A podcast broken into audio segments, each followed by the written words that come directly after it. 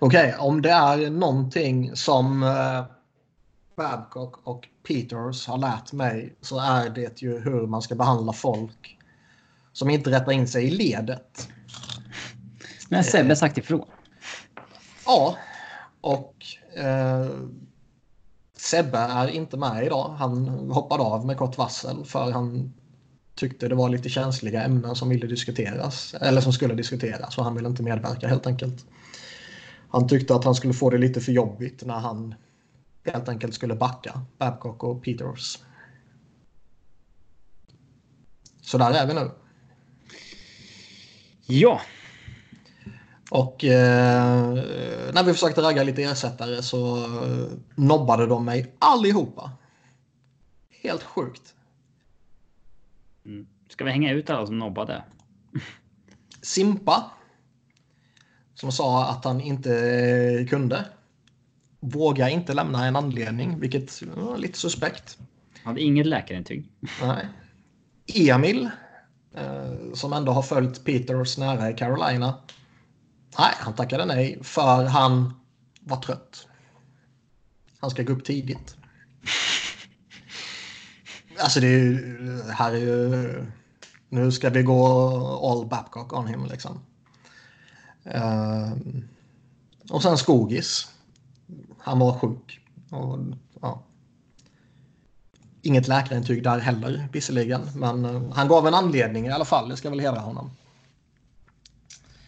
Uh, så idag blir det jag, Niklas Wiberg och eh, Robin Fredriksson som vanligt som eh, som ska tugga och ehm, det har ju hänt lite grejer.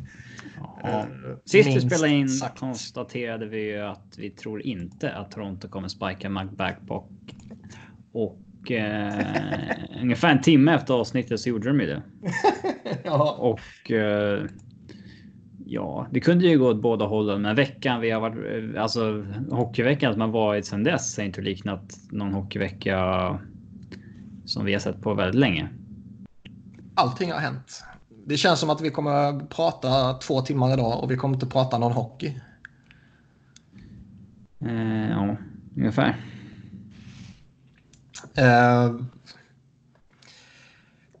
vi, vi, får gå på Babcock direkt liksom. Eh, jag minns ju inte ordagrant eh, vad vi sa, för det gör jag aldrig. Liksom. Men vi sa någonting i alla fall att äh, de kommer nog avvakta, det är ett stort beslut. De kommer förmodligen försöka sig på en trade istället.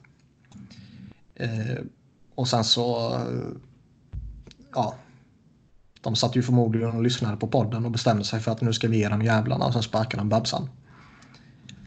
Mm. Men det kommer verkligen direkt efter. Och det är väl kanske egentligen lite sent och sena på pucken och så vidare för att ta upp det. Men hela den grejen har ju fått enorma ringar på vattnet som nu har briserat som någon form av, som Simpa sa tidigare på Twitter idag, att eh, är det här början på någon form av NHL-variant av metoo?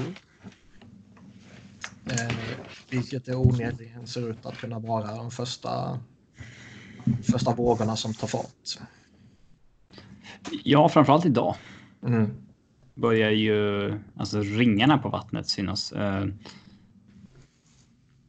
eh, känns det som. Eh, det första som hände var väl att eh, Babcock fick sparken och eh, ja, Mike Commodore svingade ju lite som vanligt. Eh, men hans, han har ju varit så svår att ta på allvar för han har ju också slängt någon coach från Columbus under bussen för att eh, han eh, var avis på att vi var singlar och hade mer pengar än han som hade familj typ. Och därför satte han mig på bänken. Typ så, att han, hans liksom eh, kritik alltid var lite svårt Det har man ju mer tagit som lite roligt typ liksom. Ja. Men det sätts ju också... Det, blivit, det började ju med att han blev uppbackad av eh, gamla livsbacken Mark Frazier, va? Ja. Sen så har nu Carlo Koljakov sagt att varje... Eh, varje sommar i Detroit så försökte de ledande spelarna få Babcock sparkad, men Ken Holland vägrade. Mm. Eh, och det har ju funnits coacher genom åren som har varit eh, liksom illa omtyckta men ändå respekterade på något sätt. Typ. Eh, ja, Scotty Bowman. Han är ju ja, kanske Scotty Bowman, alltså. men det, det, han kanske betedde sig likadant, men det kanske var en annan eh, generation liksom eller mm. era. Eh, men det. Det började med att den här historien om Mitch Marner kom ut som eh, ja, vad, vad var det som hade hänt Niklas? Han hade ju varit missnöjd med Mitch Marners, eh, vad fan säger man? Eh, work ethic. Vad heter det på svenska? eh, ja, jag kan, jag kan arbetsmoral eller någonting. ja, något sånt. Eh, under hans rookie-år rookie år och eh, ja, hade helt enkelt bett honom att ranka eh, laget, alltså spelarna i laget utefter hur, ja, hur deras work ethic var. Om de, från bäst till sämst. Och sen hade han ju... Jag är, jag är lite oklar på om han hade publicerat så att säga hela listan för övriga truppen eller om han bara hade nämnt de som var lägst rankade. Vilket var typ... Jag för mig det var typ Kadri och Bosak. Jaså? Kom det ut alltså vilka han hade rankat lägst? Ja, jag har för mig det. Det, var, det kanske inte båda, men jag har för mig det var minst en av dem i alla fall. Eh, och det här... Eh, alltså, ja, Marner då är en liten rookie där som givetvis är skitskraj för att ställa till med någonting som gör att man inte blir välkomnad liksom, av coachen då. Eller organisationen kanske man ska säga också. Nej, men om en coach här... ber dig om det så gör du väl det. Men du, typ, liksom. det är väl lite, lite, konstigt, men det kan inte. Det, det är väl. Eh, ja, men okej, jag vill se vilka du anser är de som arbetar hårdast. Och, alltså vad, vad du anser är att jobba hårt liksom. Det kan väl säga någonting liksom. Mm. Uh, men... Så han gjorde ju det här och sen presenterade han det för övriga truppen och, och uh, nu har de ju nu har ju eh, Mish Marner tur så tillvida att gruppen tar det här på rätt sätt. Det vill säga de vänder sig mot Babcock istället för att vända sig mot Mitch Marner. För där är det ju, har man oflyt och typ de ledande spelarna i truppen är rövhål. Så slår ju det här tillbaka på Mitch Marner och inte på Babcock. Mm. Uh, det var ju den första storyn som kom ut och det ska ju tilläggas att Babcock har ju en um, major i psykologi. ja. uh, så att det skrämmande här är att han liksom inte bara beter sig liksom okänsligt och inte förstår utan det är snarare så att han förstår vad han gör med en yngre spelare. Ja. Men vill liksom. Ja, jag vet inte vad han försöker få ut av det, men Eh. Han kommenterade det, man har redan glömt vad han sa för det var så urbota korkat. Eh, ja.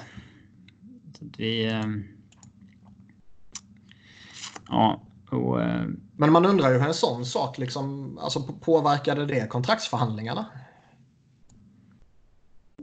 Ja, det, stod, det sades väl att Mitch Marner där och då var redo att be om en trade, men att ja. coach eller agenten pratade honom ur det så att säga. Mm. Men det, det skumma, uh, det som jag tycker är skumt är ju att om alla nu in the business har vetat att Babcock är så här. Varför slogs då hela hockeyvärlden om att få honom signad? Till liksom världens bäst betalda coach genom tiderna på ett åttaårskontrakt uh, när han var ledig.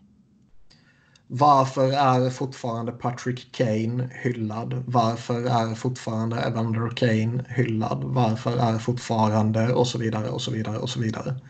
Alltså. Ja, men för att de är framgångsrika? Eller? Ja. Ja, men. Alltså det Babcock. Men nu, de... nu, alltså hans anseende, alltså hans anseende nu och då, och då menar jag han, hans anseende som Alltså man tar bort all den här jävla skitlasset bara för två sekunder och bara liksom hans anseende som, som kompetent hockeycoach är ju avsevärt mycket sämre nu än när alla jagade honom den sommaren. Med tanke på att han har misslyckats i Detroit. Eller eh, förlåt, Toronto. Uh, när han kom från Detroit så var han ju ändå... Han var ju där och då vida ansedd som den bästa coachen. Ja, med ganska bred marginal också. Alltså han var den enda som ja. hade... Och jag tycker... Och han drev ju något... coachernas löner något fruktansvärt högt. Ja, det gjorde han ju alla en tjänst. Uh, ja. Men, Men jag menar, var... där, där och då kommer man, man kommer ju stå ut med, med väldigt många saker om en spelare eller en ledare är jävligt duktig på det han gör. Det har vi ju sett gång på gång på gång och det kommer ju fortsätta ske. Mm. Det är ju folk som, det är folk som snackar om att Babcock är rökt i ligan. Det tror jag absolut inte han är. Nej, inte jag heller. Vi får, vi får väl se. Alltså, vi får se vad mer som händer. Dags, ja. alltså. Däremot kan jag kanske tänka mig att om det var någon eh, GM som, som satt och funderade på om man skulle sparka sin coach för att ta in Babcock nu och han var tillgänglig så kanske man drar tillbaka den tanken. Men liksom vill Babcock ha ett jobb till sommaren så är jag 100% övertygad om att Babcock kommer få ett jobb. Eh, det kanske är annorlunda med en, en annan coach vi kommer till så småningom. Men vi kan väl köra klart Babcock-spåret. Ja. Uh, men först gick diskussionen om, alltså när han fick sparken, att eh, har han varit en bluff hela tiden? Mm. Uh, det är kanske svårt att säga när han hade så himla bra Detroit-lag. Uh, och där sätter jag väl lite emot det. Alltså den, den truppen de hade där 2007, 2008 och 2008, 2009. Det var ju inte. Det är klart att det var en bra trupp, men jag tycker inte att det är ett lag som vem som helst hade blivit dominant med. För tittar vi på gamla possession-siffror och sånt där så var ju Detroit ett dominant lag i ligan då. De var ju en nivå över alla andra och så bra lag tycker jag inte att de hade. Mm. Eh, alltså de hade ju Datsuk och Zetterberg och... Eh, Ja, Datsuk och Zetterberg sen Lidström på backen. Men det var ju många, många lag hade ju liksom det. Mm. Alltså två, två stjärnforwards och en eh, liksom elitback. Och sen, eh, alltså det är inte så att Detroits djup var något. Eh, alltså Thomas Holmström, Franzén, Filippola Samuelsson. Äldre spelare som Draper var kvar och Maltby var kvar. Cleary var bra fortfarande. Dallas Drake var bra.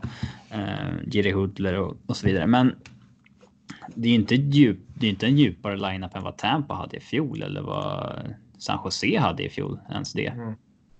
Så där, det, det ska jag ha cred för att liksom där tog han ju en bra trupp och gjorde dominant ändå. Inte att vem som helst hade lyckats med det materialet. Det, Nej, det tycker jag inte. Så många ville få det till. Um, men uh, Sen, sen beror, alltså mycket beror, han, det, det, har ju kommit, eh, det har väl, mig veteligen har det väl inte kommit så här tydliga exempel som Marner-fallet från Detroit. Men det har ju pratats väldigt mycket om att han var väldigt illa omtyckt i Detroit också. Jag tror Z, att det var Z som gick ut antingen när Babcock lämnade eller när Z slutade så att säga. Att han snackade lite om, om hur, hur deras relation var åt helvete liksom. Eh, men jag tror ändå att en, en sån här sak Alltså om de ledande spelarna i truppen tolererar det så kommer det fortgå och då kommer den övriga truppen typ liksom följa efter och tolerera det också. Men om de ledande spelarna inte tolererar det, vilket det verkar som att det kanske var i Toronto-fallet här då, eh, så kommer det ju bli spänningar. Liksom. Mm. Och Babcock var ju dessutom, eh, gick ju dessutom ut, eh, liksom tog, tog en offentlig strid mot Kyle Dubas. Där det var allt ifrån um, uh, typ backup-målvakt till uh, lagbygget i allmänhet. Typ, liksom. Och går man, går man ut och tar den striden mot sin GM i media så alltså. Det är en strid du kommer förlora. Kanske inte omedelbart, men på sikt. Ja. Eh. Vi får se hur många fler stories det kommer om honom nu, men det som eh, det vi kan konstatera är att det har varit en liksom framgångsrik coach, men som verkar vara väldigt illa omtyckt av väldigt, väldigt många just nu. Alltså. Ja, och så, så man, åren. Och så länge man vinner och så länge man tar laget till, till framgång så har ju mm. spelare själva sagt att då, nej, då kan man tolerera det. Men när framgången inte kommer då, då blir det ja. ett problem. Liksom. Ja. Och Detroit, eller Detroit, jag säger Detroit hela tiden, jag menar ju Toronto. Toronto har ju de facto misslyckats. Sen är det visst tufft motstånd, Boston i första rundan och sådär, men jag tror alla är helt överens om att eh, man inte har varit tillräckligt bra i slutspelet eh, över tid. Sen kanske varje enskild säsong kan vara eh, att man kan hitta rimliga förklaringar och sådär. Men eh, något jävla år borde man ju gjort ett, ett slutspelsrace i den här, med den här generationen. Liksom. Ja. Uh... Ska vi säga något om Sheldon Keefe eller? Det är väl ganska... Nej.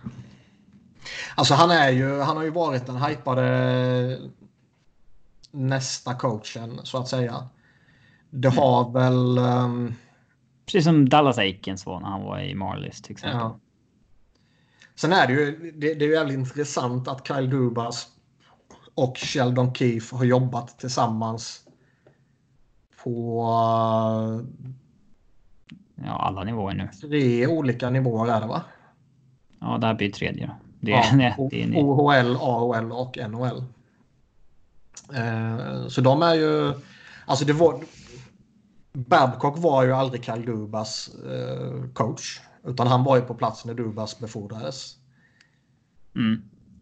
Um, och oftast brukar ju en GM vilja ha sin coach på plats och det var ju väldigt uppenbart även så här utifrån att det var liksom två skilda filosofier som coachen och GM hade. Ja, ja det har varit tydligt. Uh... Men nu kommer det in två extremt uh, samkörda som de kommer säga samma sak. Jag tycker Elliot ja. Friedman och Jeff Marek kör ju sin Third One Thoughts. Och de körde ju ett extra, inte extra avsnitt, men en extra del som de pusslade in i, i sin ordinarie podd med Brian Burke när det här kom. Vilket mm. har man inte lyssnat på än så är den värt att lyssna på för Burke är ju vad säger man i podcastform? Man är inte sevärd utan man är lyssningsvärd. vad säger man? Men han, han, är värd att lyssna på just i det fallet. Och han pratar ju väldigt eh, mycket om eh, liksom att de var inte synkade, att eh, de säger olika saker i media. Och liksom, visst, man kan ju givetvis sitta på kontoret och argumentera över saker och inte vara överens om hur, hur saker ska skötas och göras och så här. Men utåt så måste man ju vara i enad front. Och när man som coach då går upp, som vi sa tidigare, mot, mot sin GM så kommer du sätta dig själv i problem. Det är, liksom... det är ju en uh, intressant maktkamp att göra. Ja. Uh, och Babcock kände sig väl ganska starkt där med fyra år kvar på kontraktet på 8 ja, ja. miljoner liksom, eller vad fan han nu tjänade. Att, uh...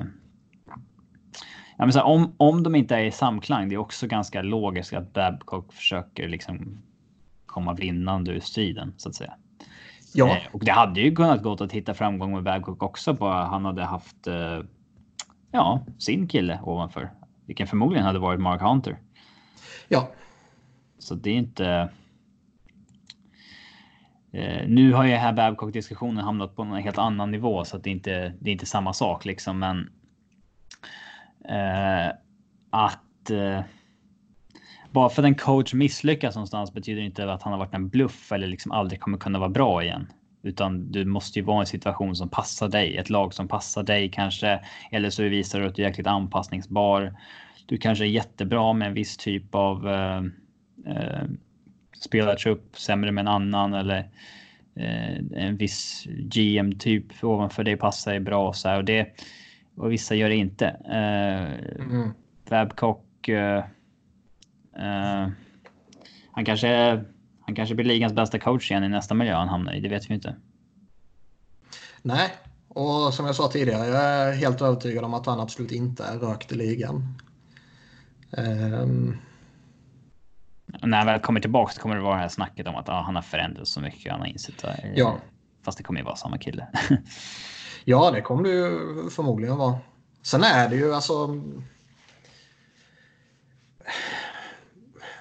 Vad ska man säga? Det blir ju alltså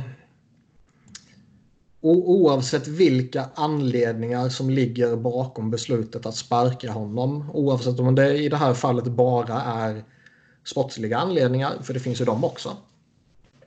Eh, förmodligen var det ju de som faktiskt gjorde att de sparkade honom. Och sen har allt det här skiten kommit fram sen. Eh, sen kanske det i viss form påverkade beslutet också givetvis. Och, och samma med samarbetssvårigheterna. Men jag tror framförallt det var resultaten som påverkade. Men oavsett vilket så är det ju det är ett stort, stort beslut som Kyle Dubas tar. Ja, men nu... Så, eh, nu är ju all strålkastarljus på honom ju. Ja. ja, fast nu är han ju väldigt... Eh, alltså skulle det gå dåligt nu så kommer jag fortfarande ingen Alltså nu har han ju fått så mycket. Om det ifrågasattes av några då så ifrågasätter jag av ingen längre. Mm. Alltså beslutet att skicka Babcock. Mm. Men, det, men, nej, men jag menar liksom att säga att, uh, säga att resultaten inte blir bättre. Då är det ju Dubas nu som är i blickfånget. Ja. Så, och vi sa ju förra veckan att, uh, att det kanske kändes mer som att de skulle försöka sig på en trade om de inte skulle få ordning på sakerna innan de tog det där jättebeslutet att sparka Babcock. Och det var ju helt jävla åt helvete fel. um, men han tar ju strålkastarljuset på sig själv nu och uh, i Toronto så är det ju inte en, en liten ficklampa bara. Nej. Det det, det märks att det är ett jäkla tryck i den stan alltså. Mm. Det, det, hade ju inte kommit ut så här mycket stories om en annan coach. Eh, eh alltså om Babcock hade fått sparka någon annanstans. Mm. Sen är det ju, det har ju lyfts hela tiden här att det, det är många journalister och kanske i synnerhet Toronto-baserade journalister som, som eh, liksom säger att ja, men det, här vi, det här hörde vi för många år sedan men vi vill inte rapportera om det då. Och liksom, varför gör man inte det? Eh, vem då? Om vad? Så? Nej, vi har hört de här Babcock-problemen i många år men vi har inte kommit Ja, det är väldigt... Eh, ja, alltså vissa... Ja, vissa ja. Eh, vissa väl suttit i de här historierna utan Eh, utan konstigheter. Eh, men ja, bombar ut dem så har du inte access till laget längre ganska snabbt förmodligen. Eh, ja, jag kan förstå. Det, till exempel Ian, Ian Tollek på The Athletic skrev, han skrev ju så här. Ja, jag hörde den här Marner-historien då, men jag visste inte liksom om den stämde. För jag hörde det bara från en person och jag var liksom, ja, 21 år gammal. Nej, man, man, måste, ju, då... man måste ju vara försiktig om man liksom och det är osäker även, på om det är sant eller inte givetvis. Det gäller ju även nu. Dan Carcillo skrev ju en tweet om att eh, han fått massa DM som coacher och sånt där som har betett sig illa som eh, coacher i NHL just nu och så vidare som eh, eh, ja, men det är ju inte på det sättet. Saker och ting måste ju bekräftas innan folk hängs inför öppen ridå. Ja, ja alltså. På det sättet ska det inte komma ut att är liksom lite taggad den Carcillo sitter och twittrar ut vad han har hört. Liksom. Nej. Eh, vi kan väl strax gå vidare på det, men säga det om bara den här liksom att man, man håller på sina stories. Det, alltså, det är ju problematiskt som fan och vi har ju pratat om det tidigare. Varför lokalmedia kanske inte kritiserar spelare och lag hårdare. Men det är som du säger, man, man riskerar ju sin access beroende på vem du är och var du jobbar för någonstans. Eh, och det finns ju också den här faktorn som du sa om man kanske inte riktigt kan bekräfta det till den grad så att man är bekväm med att gå ut med det. Ja, då ska man ju verkligen inte hänga någon eh, eh alltså smutskasta någon så att säga. Ja, nej, där kan du, dels kan det vara smutsigt så att säga givetvis och dels kan du faktiskt vara... bränna både din egen och den här personens karriär. Ja, kan ju få juridiska konsekvenser om du har fel. Mm. Um, sen, sen, blir det, sen blir det ju alltid lite konstigt och det tror jag alla förstår och ser. Liksom det här med att uh, det är först efter han har fått sparken som all smuts kommer fram. Ja, det... Sen är det också lite, och, och, som man då kan knyta ihop till, till det som, som kommer nu, det här att det räcker ju att en person går ut och säger någonting för att andra ska känna sig trygga och gå ut och säga också. Um, mm.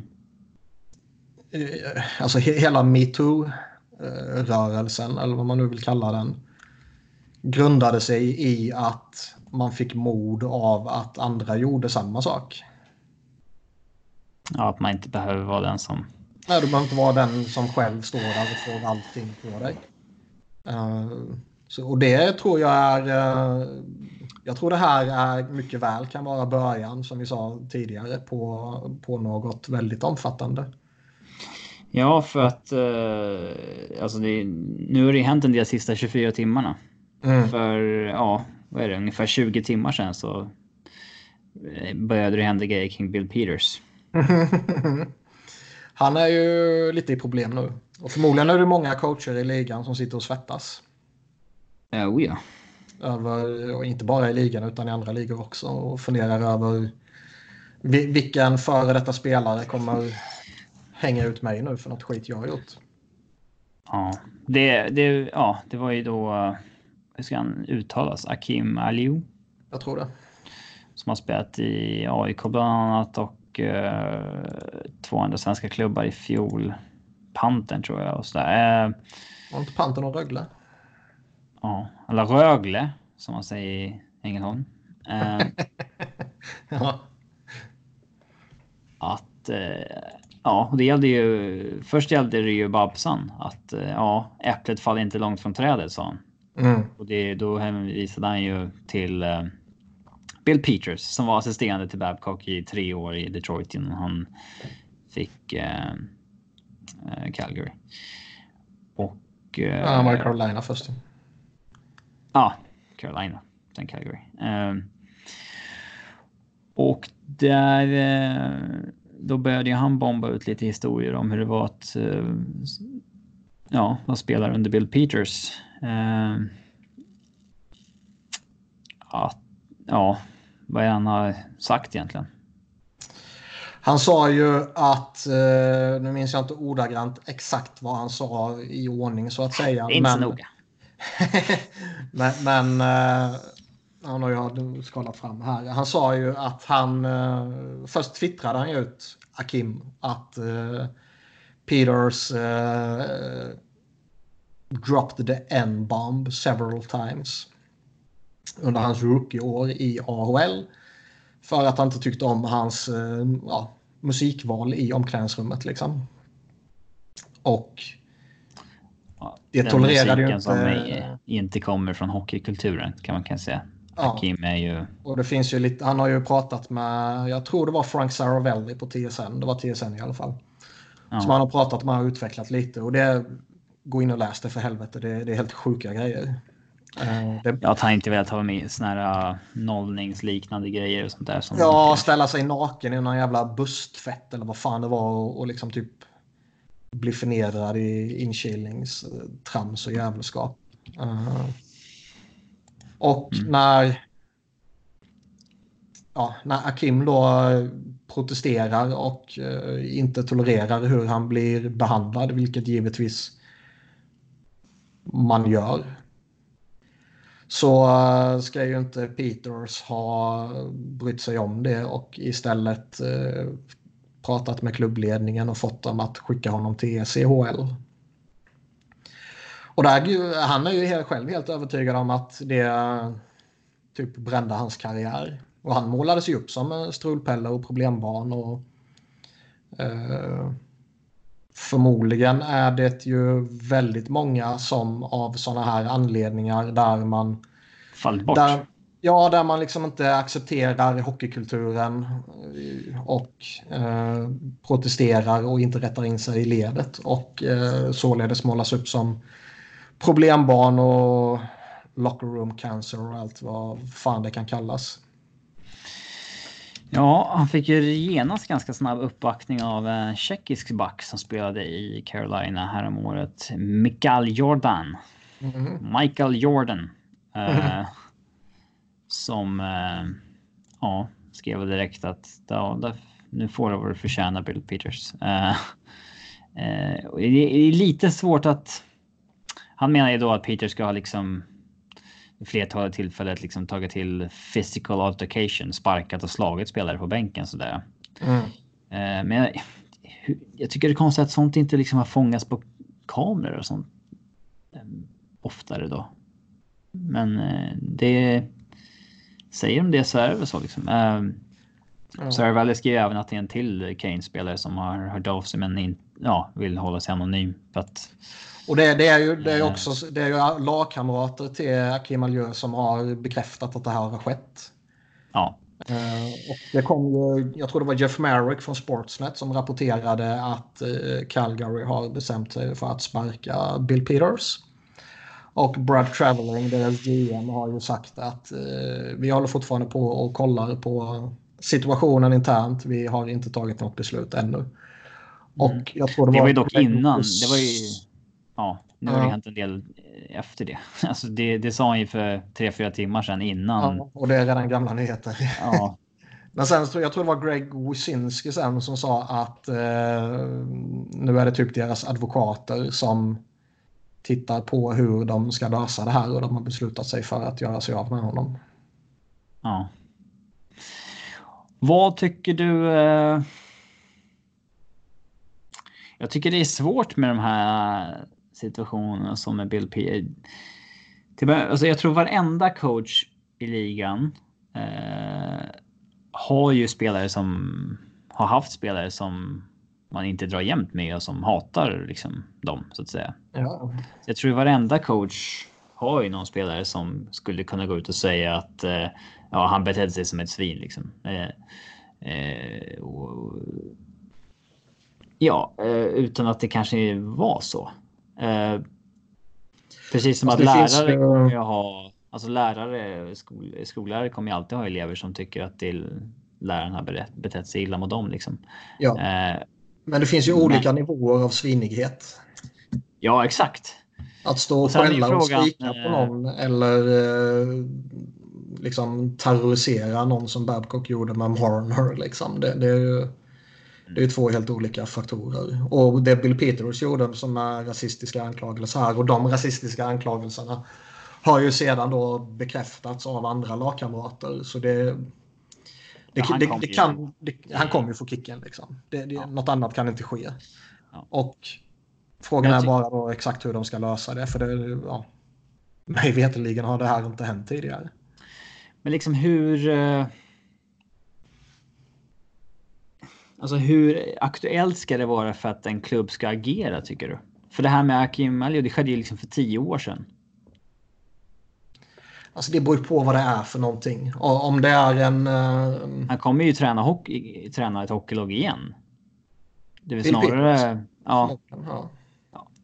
Är det liksom alltid det aktuella han... laget som han är just då när någonting läcker ut som har ett ansvar att sparka personen? Precis som det här med alltså när vi har pratat om Stavapoinen för. Det, det, man måste ju sparka honom. Jag, jag, ser inte att det finns något annat alternativ än att sparka honom. Plus att det går jävligt dåligt sportsligt också. Så det är liksom dubbelt upp att det var ju kanske ja. Alltså, det, det, alltså på ett sätt skulle det ju här mycket väl kunna vara en blessing in disguise för Calgary. Att nu kommer man bort från en coach som inte får det att funka i laget och som eh, som man kanske då till och med då beroende ja. på advokaterna och sånt kommer fram till att slipper betala resten av kontraktet på kanske. Mm. Det hade varit intressant om det kom ut någonting om en coach som eh, går väldigt, väldigt bra. Mm. Typ Todd Reardon till exempel i Washington. Att, att när han spelade Kevin i The Office så eh, eh, ja, betedde han sig på si och så sätt liksom. Eh, det... Men alltså, alltså he hela, hela grejen hur man ska agera det, det, måste man ju verkligen ta från eh, eventuellt fall till eventuellt fall. Alltså när det kommer sådana här rasistanklagelser och de här anklagelserna sedan bekräftas från andra håll. Då, Akim Ali är dessutom en spelare som kommer från Calgary, alltså som ja. har spelat där. Ja, då kan man ju liksom inte göra något annat. Alltså det, där måste man agera. Han måste bort oavsett om. Ja, nu har, det lastat, nu har det kommit ut så mycket senaste timmarna också att fler och fler och. Mm. Eh, men däremot mm. om det liksom inom situationstecken bara skulle vara så att det skulle varit alltså någon. Den här grejen för tio år sedan bara liksom. Nej, jag tycker det är fog också. För ja, alltså, nu var det en rasistisk grej, då är det mycket känsligare ja, såklart. Men, men, men liksom, om det bara då inom situationstecken skulle vara någon, någon form av eh, aggressiv eh, liksom konversation som slutar med att man blir jätteovänner. Alltså en sån där grej kan ju inte leda till sånt här. Ja, och eh, sen så sa väl eh, Jordan också att eh, eller om det var Alio att eh, flera gånger han brukade liksom ja, lappa till spelare sånt där på bänken och sen låtsas som ingenting liksom. Mm. Men alltså, jag för mig att det kanske nämndes att någon annan coach eh, absolut kan ha brunnit till också någon gång. Men att det då efterhand kan vara liksom, ah, sorry att jag är i ah, heat of the moment, men vi liksom försökte vinna eh, tappade hum humöret. Liksom. Nej, men det finns lite så. Framförallt och... kanske det vanligare i den, i den äldre skolan. Alltså typ Ken Hitchcock var ju väldigt mycket att han, att han letade konflikter är kanske fel ord, men, men liksom uh, han ville... Vissa han ville coacher tända... har ju haft den liksom, eh, liksom strategin att ni nej, ska inte han, tycka om mig. Liksom. Nej, han ville liksom tända den elden och det kunde vara jätte, jätteheta argumentationer mellan han och spelare och sen så typ spelare idiotförklarar honom och allt sånt där. Och sen dagen efter så har spelare berättat att man liksom ångrar sig lite och går och ber om ursäkt. Och Hitchcock bara va? Vad pratar de om? Det här kommer inte jag ihåg. Och så är man så inne i sin matchbubbla då liksom. Mm. Och det är ju en annan grej. Ja. Jag tror typ Tortorella. Alltså, när, sånt här, när sånt här sker och um, när det liksom snöbollen börjar rulla, den blir större och större och fler och fler namn fastnar i snöbollen så blir det ju oundvikligen så att man börjar spekulera i vilka det är som kan ligga illa till. Och jag tror Ska vi göra det? Nej, men liksom typ, jag, jag, tror att väldigt många slänger upp Tortorella som ett hett alternativ. Och det kan givetvis mycket väl vara så. Men... Mm, framförallt gamla grejer. Ja, men det verkar ju också, det pratas ju också lite om att han, uh, ja, han ändå är liksom fair och rättvis. Och han har ju faktiskt förändrat sig också. Ja, han var, alltså, han var ju väldigt upp... Alltså jag tror, man kan ju välja olika strategier, men jag tror att om ledande spelarna hatar dig, då blir det inte bra. Mm. Det var ju mycket att du har liksom den ledande spelargruppen med dig men att du har någon liksom junior som är gnällig eller någon veteran som är tjurig som man brukar få speltid längre inte får som liksom tjurar och tycker att det är coachmetoderna som är fel. Det är ju standard. Så kommer det alltid vara. Men liksom. Men ta, om... exakt. Men ta typ Ken Hitchcock när han var i Flyers. Han fick ju med sig Keith Primore som var kapten och verkligen ledaren för gruppen. Mm. När Primore tack vare eh, Alex, Alex vad fan heter han, Peresor den jävla sopan. Uh, han är en sån jävla nobody så jag kommer inte ens ihåg vad han heter i förnamn. Skitsamma, det var ju han som gav han den där sista definitiva hjärnskakningen så han var tvungen att lägga ner karriären. När Promore försvann så tappade ju Hitchcock omklädningsrummet. Mm, det är samma sak med eh, Ray Tortorello där med Rangers att när när han tappade Callahan då tappade han också hela gruppen. Liksom. Ja. Så gick ju snacket då. Mm. Sen är ju hela den liksom typ den här aggressiva ledarstilen och management by fear och allt sånt där. Jag tycker den, den är fascinerande. Och när jag säger att jag tycker den är fascinerande så innebär inte det att jag nödvändigtvis tycker att det är så man ska göra, givetvis. Men jag har alltid fascinerats av typ Mike Keenan. Mm. Där, där det liksom i efterhand har pratats jättemycket om att han typ bad materialare och såga hack i klubbor så att han kunde knäcka klubborna över knät utan att få ont liksom. För, för att liksom typ spela ett spel då. Ja, att visa att jag är jätteförbannad så att jag kan... Eh, ja. Eh. Ja, men så här, det är en annan grej att visa att man är förbannad någon gång och så där, än att liksom. Ja, det kan alla göra och det har alla gjort. Eh, ja, och det, det, en sak i alla fall säker och det är ju det som kanske kan avsluta den här eh, diskussionen. Att det, det viktigaste är ju inte att man gräver upp vad som har hänt förr och vem har gjort vad för fem år sedan eller tio år sedan eller eh, so on. Mm. Det viktigaste nu, det, det, här, det viktigaste konsekvensen av det här, det är ju att alla coacher och ledare inom hockeyn och inom idrott från och med nu. Från och med nu tänker efter vad de gör framöver. Att vi får till en ja. kulturförändring som hockeyn framför allt eh, verkligen eh, skulle, må, skulle må bra av. eh, alltså till, det är det viktigaste. Ja, alltså typ en sån som José Mourinho pratade ju tidigare om att han han kan inte elda upp den nuvarande generationen på samma sätt som han kunde elda upp den förra generationen. Att mm. liksom, dag, spelarna som, och personerna som kommer fram idag kan, kan man liksom inte elda upp på samma sätt som man kunde med, med den förra. Och, eh, alltså inte med samma verktyg och strategi menar du? Ja, inte typ samma verbala och aggressiva metod typ. Um, Jürgen Klopp har ju sagt att han brukade snacka om Rocky-filmerna. Men nu är det ingen som har sett dem. Vem, ja, exakt. Vem var det? Det var ju... Det var... Jag minns inte vem det var, men det var en gammal spelare som pratade om att Sam Allardyce, tror jag det var, brukade spela, spela upp klipp från typ Gladiator och uh, eh, 300. För att typ pumpa upp spelarna och liksom, vet, sådana här typiska krigsmatcher eh, och eh, tjoftjafs och skit. Och, och liksom, så tittar de på det inför en match och sen går de ut och förlorar med 1-7. Eh, men det, det, är liksom en förlegad tid och, och, man måste ju hantera alltså den nya generationen i, i synnerhet. Men, men, även de som fortfarande hänger kvar från den äldre såklart. Att um, man behöver anpassa sig och man behöver förändras. Och där tror jag faktiskt att hockeyn släpar efter. Och vi har ju pratat om det tidigare, att det finns liksom den här machokulturen och den allmänna hockeykulturen som är konstig. Liksom. Ja, och det är ju... Det är, det ju utan tvekan den eh, liksom, vitaste sporten som finns. Ja. Det är ingen konstigt att det är spelare som spel, alltså människor som folk haft problem med är ju de få som kommer in med en annan bakgrund som har ganska liknande saker gemensamt. PK Subban, Evander Kane, Akim Alio uppenbarligen och eh, de är inte särskilt många liksom.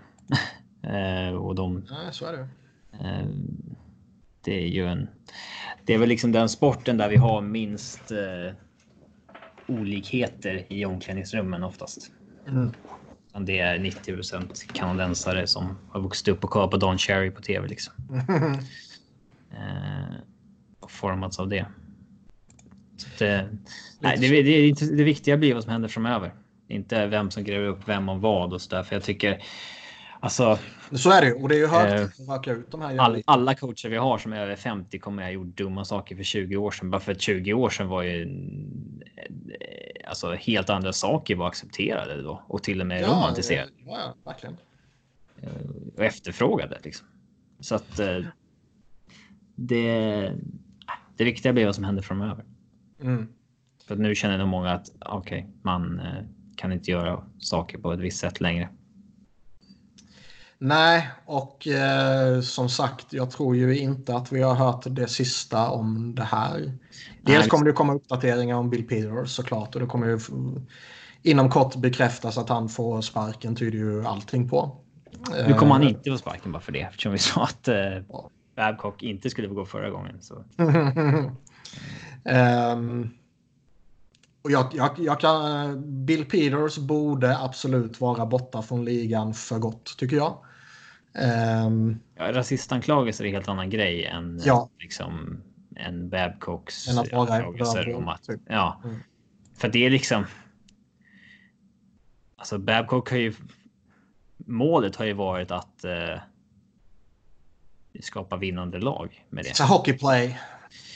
ja, men liksom att han har... Eh, eh, ja, men alltså avsikterna har ju inte varit att eh, liksom vara jävlig mot folk för, för den sakens skull. Den avsikten har ju varit att det här tror jag leder till framgång på något vis. Liksom. Ja. Och det har han ju, eftersom han har ett successful record så eh, har han väl haft en tro på att det jag brukar göra eh, stämmer.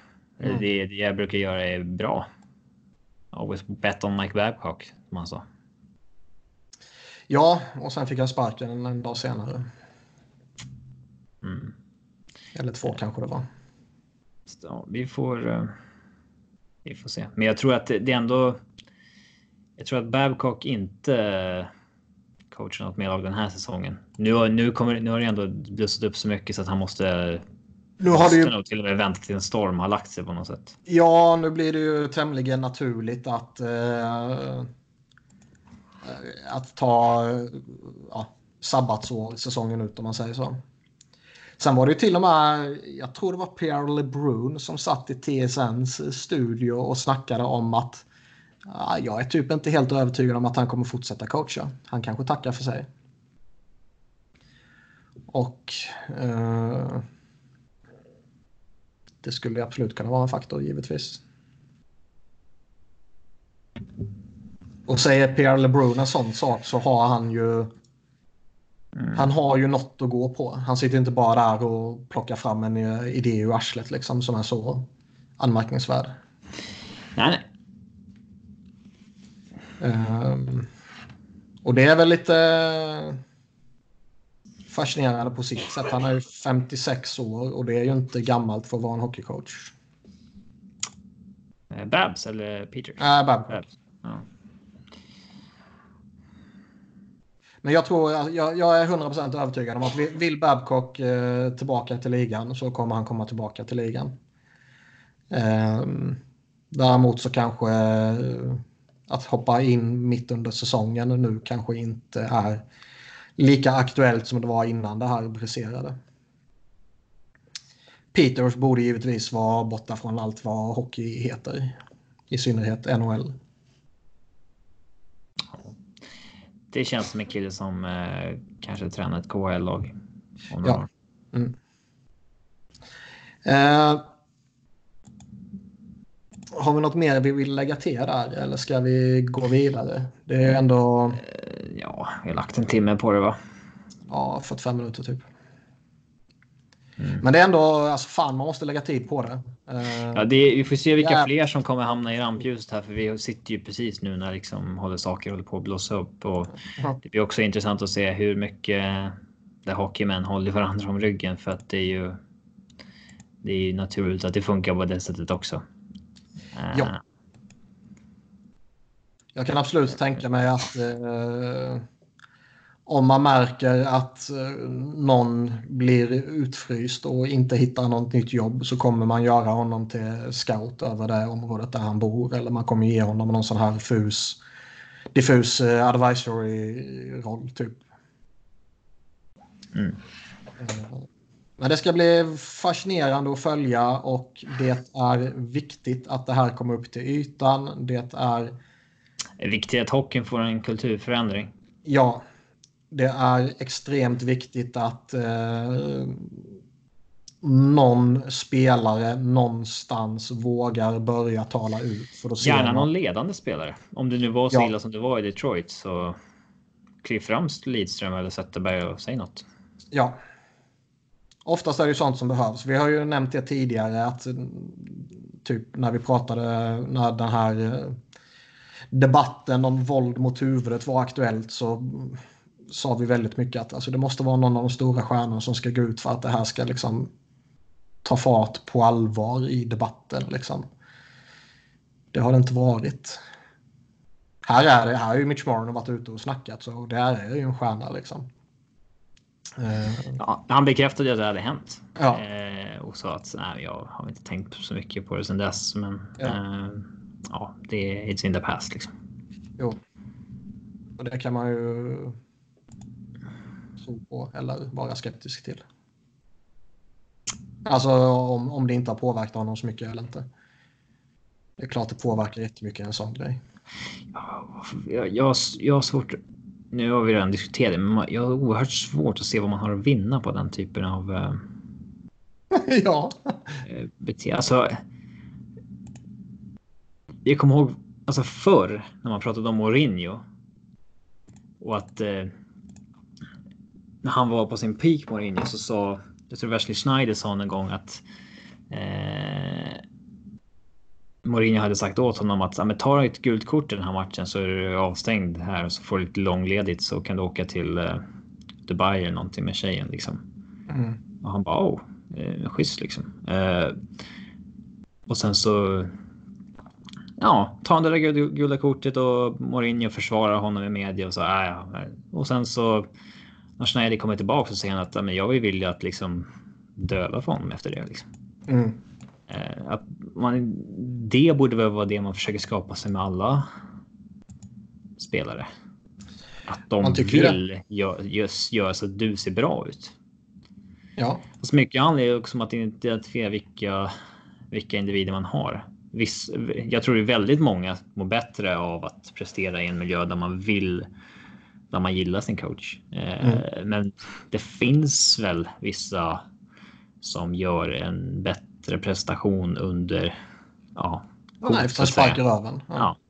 ja. Eh, beröm eller blåslampa liksom. Det tror jag, helt klart. Mm. Eh, Till något roligare. Vad sa du? Till något roligare.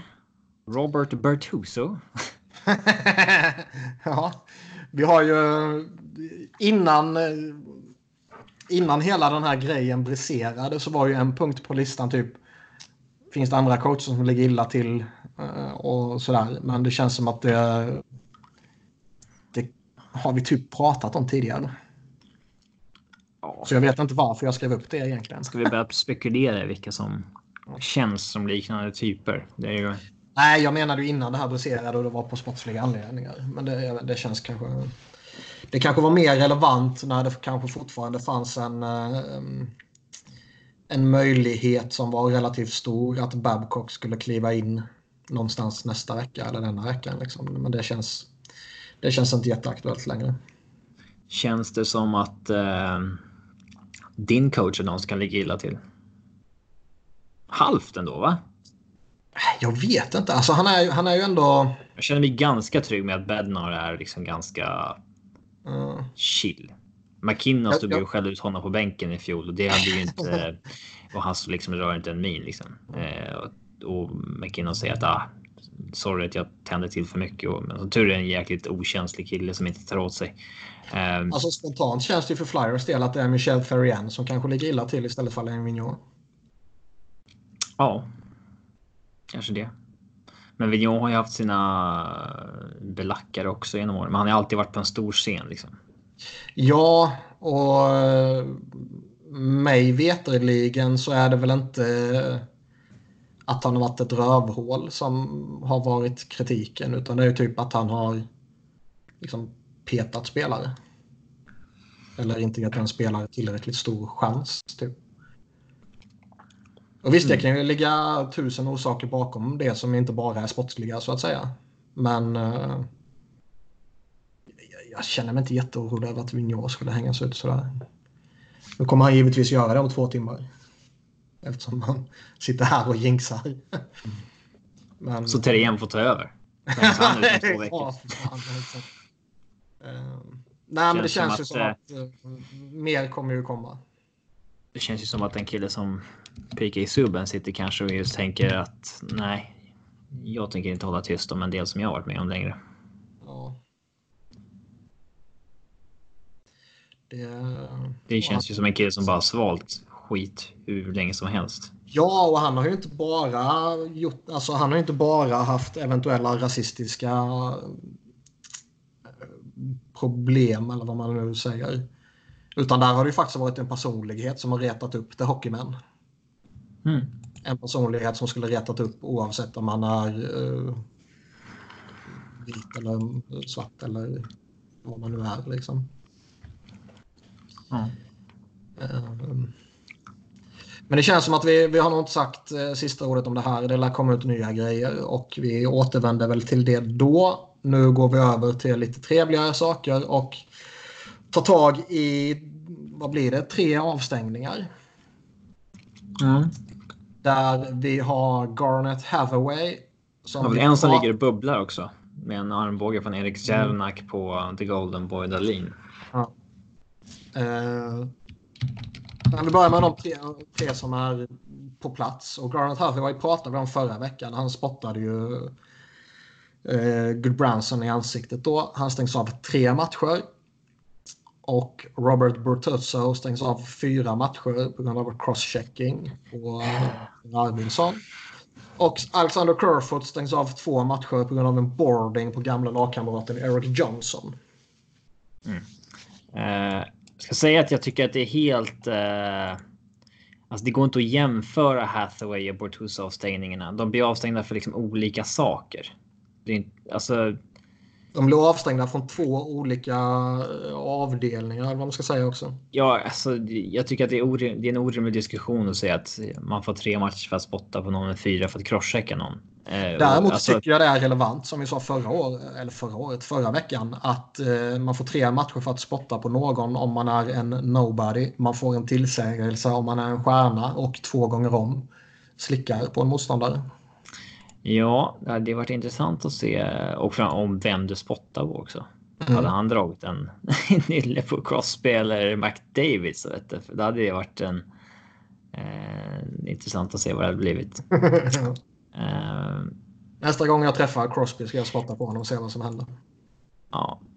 Och på en nobody. Så får vi ja, det, får olika konsekvenser. Ja. eh, Nej, men nej, alltså jag tycker att det är, det är liksom osportsligt att fira tre matcher för det är fair. Och liksom, det går inte att jämföra med liksom eh, de, an, de andra avstängningar vi har. Det är liksom en annan sak. Eh. Ja, det här är ju... Normalt sett är det ju, vad heter de, Department of Player Safety som delar ut avstängningarna. Men i det här fallet var det ju... Vad heter det? Det var ju Colin Kandal och det gänget som heter något helt annat. Som bestämde över det här. Och jag tycker liksom det, det, det, orimliga här, det är som jag sa förra veckan. Det är klart att alltså, spottar man på någon på det sättet så ska man bestraffas. Det orimliga är ju ett, att Gru Branson som delar ut en sucker punch, ingenting händer där. Och två, att man tolererar att en stjärna åker runt och slickar på människor och bara får en tillsägelse. Och sen när han gör det igen så får han bara en ny tillsägelse. Mm. Eh, mycket mer tycker jag fan inte vi behöver säga om den situationen. För vi pratade rätt mycket om den förra veckan. Ja. Eh, Bertuzzo är ju... Han crosscheckar ju Viktor Arvidsson i ryggslutet så att han först far in med huvudet i ribban. Ja. Och sen när han är på väg att resa sig upp så sätter han ju en helvetes crosschecking på ja, i ryggslutet också. Och Arvidsson blir ju borta nu fyra till sex veckor här för mig. Ja, jag kan säga det. Jag håller med Department of Player Safety att den första crosscheckingen är inte liksom någonting för uh, den känns ju mer... Den är på gränsen, men det jag tycker att det är fair gränsen, att den inte... Men det känns mer som att det är ett olyckligt utfall när han får in i, i ribban. Ja. Jag förstår att Arvidsson inte är beredd på den för pucken är fan nere i sarghörnet ja. i det där läget. Ja. Att det är liksom inte han står inte och bracear för att någon kommer trycka honom i ryggen längre. Nej. Eh, vilket Bortoso typ förväntar sig att Arvidsson gör och då blir fallet fram väldigt eh, kraftigt. Eh, sen så tar han ju väldigt illa av att han träffar med huvudet i ribban och så vidare. Uh, men det där ser vi framför mål skitofta. Att man ja, crosscheckar bort folk. Det är ju ja. så det går till. Uh, det är ju tillåtet av någon anledning. Trots att det är förbjudet är det tillåtet. Ja, man tittar åt andra hållet helt enkelt. Ja. Så länge inte någon ja, det, det, är ju en tvåa i luften för den initiala crossingen här och det är ju för att den är så otroligt tydlig. Pucken mm. är inte ens där liksom och mm. Iverson är ju 1,70 lång liksom och flyger världens värld. Liksom. Eh, men den. Alltså den andra crosscheckingen får Bortuso i liksom frustration över att han tycker Iverson har lagt sig och att han får utvisning och liksom som bara har avsikten att. Eh, ja, avsikt att skada. Ja den... Eh, jag förstår inte hur det endast kan bli fyra matcher av det. Att liksom inte hockeyn har ett större intresse av att städa bort den typen av liksom aktioner från sin sport.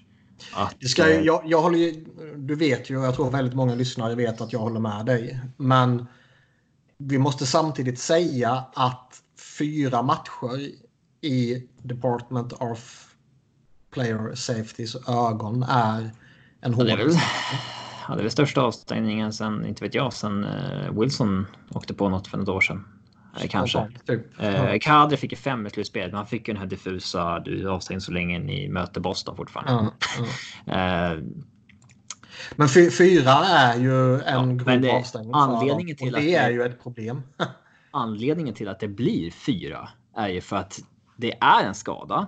Då mm. eskalerar det och för att Bertuzzi vid två andra tillfällen har blivit eh, ja, disciplinerad för eh, crosscheckings.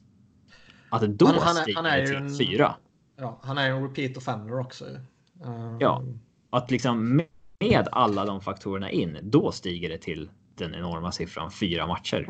Exakt, det, det, det, är ju väldigt... Det är det som är det fascinerande och rent ut sagt idiotiska. Ja, uh... jag, jag, alltså. Jag blir det skador på alla de här non-hockey plays, alltså som inte har någonting med spelet att göra. Där får man för min del bara liksom ha en, alltså ha en nolltolerans. Alltså skadar du någon på ett sätt som liksom inte har någonting med spelet att göra. Alltså. Men vi har ju. Ja. Det, men vi har, vi har, det har ju kommit upp nytt snack nu om det här när, i, i samband med den här eh, crosscheckingen. När när Shannon bossade där och han under typ en försäsong och en eller två eller tre månader in på säsongen var stenhård och delade ut rätt hårda avstängningar. Då klagade ju ligans GMs och så fick de ta ett steg tillbaka. Så lagen själva vill ju inte ha bestraffningarna. Nej, men det är också en kulturgrej. Ja, och det kan man på något sätt knyta tillbaka till det vi pratade om tidigare. Det har hänt en del på 7-8 år också. Helt klart, men, men det finns ändå, jag menar då det här att eh, det finns en kultur, kulturgrej som måste förändras. Kulturgrejen är ju, den är ju väldigt omfattande. Alltså, det måste bli ett tabu mot crosschickings mot liksom liggande spelare sådär. Det... Ja, framförallt måste det bli ett tabu mot att använda din klubba som vapen. Ja, mot alltså när pucken inte ens är där. Eh, med endast avsikt att skada. Det... Eh, alltså det finns ju en anledning. Vi ser inte spelare som stampar på varandra med skridskon. Det är ju för att det finns ett liksom. Folk vet att så gör man inte. Ja. Och där måste, det måste man implementera samma sak med att liksom attackera någon med ja. liggande spelare med din klubba. Men vi har ju fortfarande idioter som, eh, som väljer att utsätta sig själv för upprepat våld mot huvudet oavsett om det är alltså mot bättre vetande. Okej okay, att man inte visste det här på 50-talet liksom. Men med tanke på allt man vet här och nu idag. Och att man frivilligt utsätter sig själv för upprepat våld mot huvudet oavsett om man är en fighter i NHL eller om det är någon jävla boxare eller MMA-trams liksom. Det fullständigt obegripligt att man utsätter sig för det.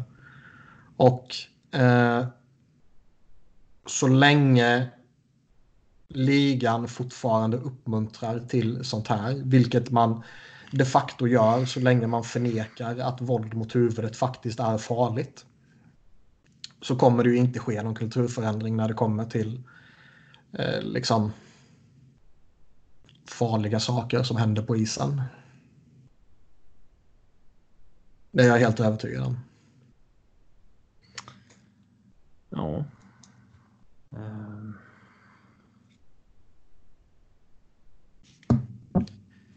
Sen vet jag inte, vi har rageat så mycket genom åren på att de delar ut för, för låga avstängningar. Så jag vet inte om vi behöver ta alltså, jag, den här situationen mycket längre. Den, just en sån här situation. Det är en spelare som har gjort samma sak för Det blir en lång, längre skada och det är inget hockeyplay. Mm. De för min del. Det får det bli, gärna vara 20-30 matcher på liksom. Att, ja. eh, men om vi tar nästa situation. Alexander Kerfoot Eh, eh, ja, det är en klassisk situation som vi såg väldigt ofta innan vi fick in hybridicingen. Eh, mm. Att ja, spelare som jagar pucken ner mot eh, sargen och eh, Kerfoot sätter sin klubba i ryggslutet på Johnson och han faller framåt in i sargen.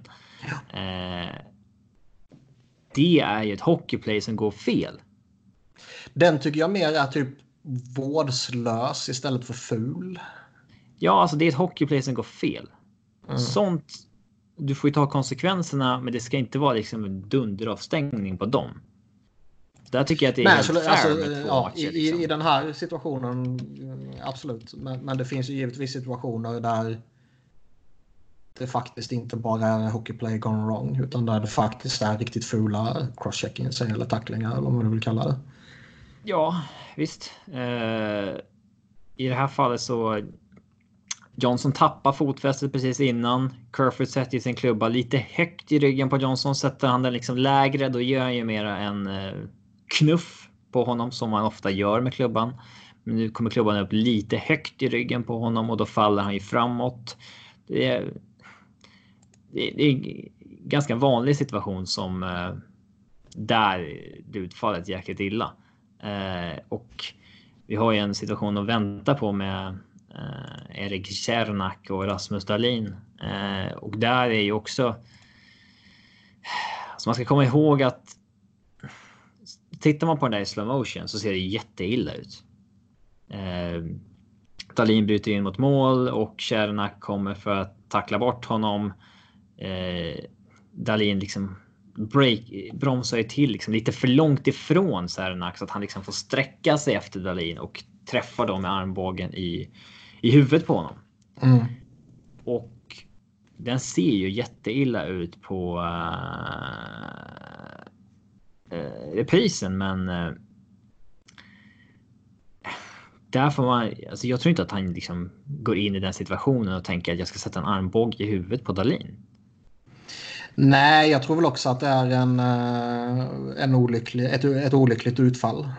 Precis som eh, vi hade en situation för några veckor sedan när Nick Folino eh, blev avstängd för en armbåge i huvudet på Belmar och han liksom skakar på huvudet och protesterar på isen när han blir, när han blir utskickad. Men sen eh, när han liksom har sett reprisen så säger han liksom att så här, jag, jag visste faktiskt inte ens att liksom min armbåge träffade i huvudet på honom. För att, alltså så snabbt går det liksom där ute att det ja. man. Eh, man ska inte liksom döma baserat på hur det ser ut i en slow motion bild. Alltså man ska inte döma avsikten. Sen får ju Sernak fortfarande ta konsekvensen för sina handlingar. Men sådana där situationer har jag mycket, mycket mer förståelse för att ah, det där kommer gå fel ibland med dagens fart på spelet. Eh, mm. Än som Bertusos situation som inte ens liksom pucken är inte ens där och du crosscheckar en spelare som ligger ner för att du är lack och du skadar honom så han är borta över en månad eh, sånt ska ju bara liksom bort ordentligt och det ska ju liksom. Ja, det är de de verkligen ska sätta ner foten på tycker jag.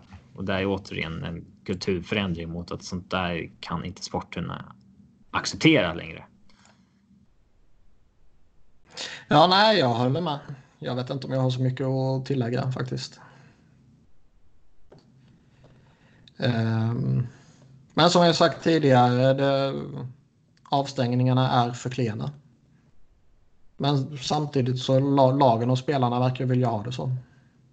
Mm, jag tycker inte att det är liksom. Jag tycker inte Kerfoot ska ha mer än två matcher för sin eh, tackling. Skulle han göra samma sak igen om en månad, då får man ju liksom eh titta på det då. Eh, om mm. han.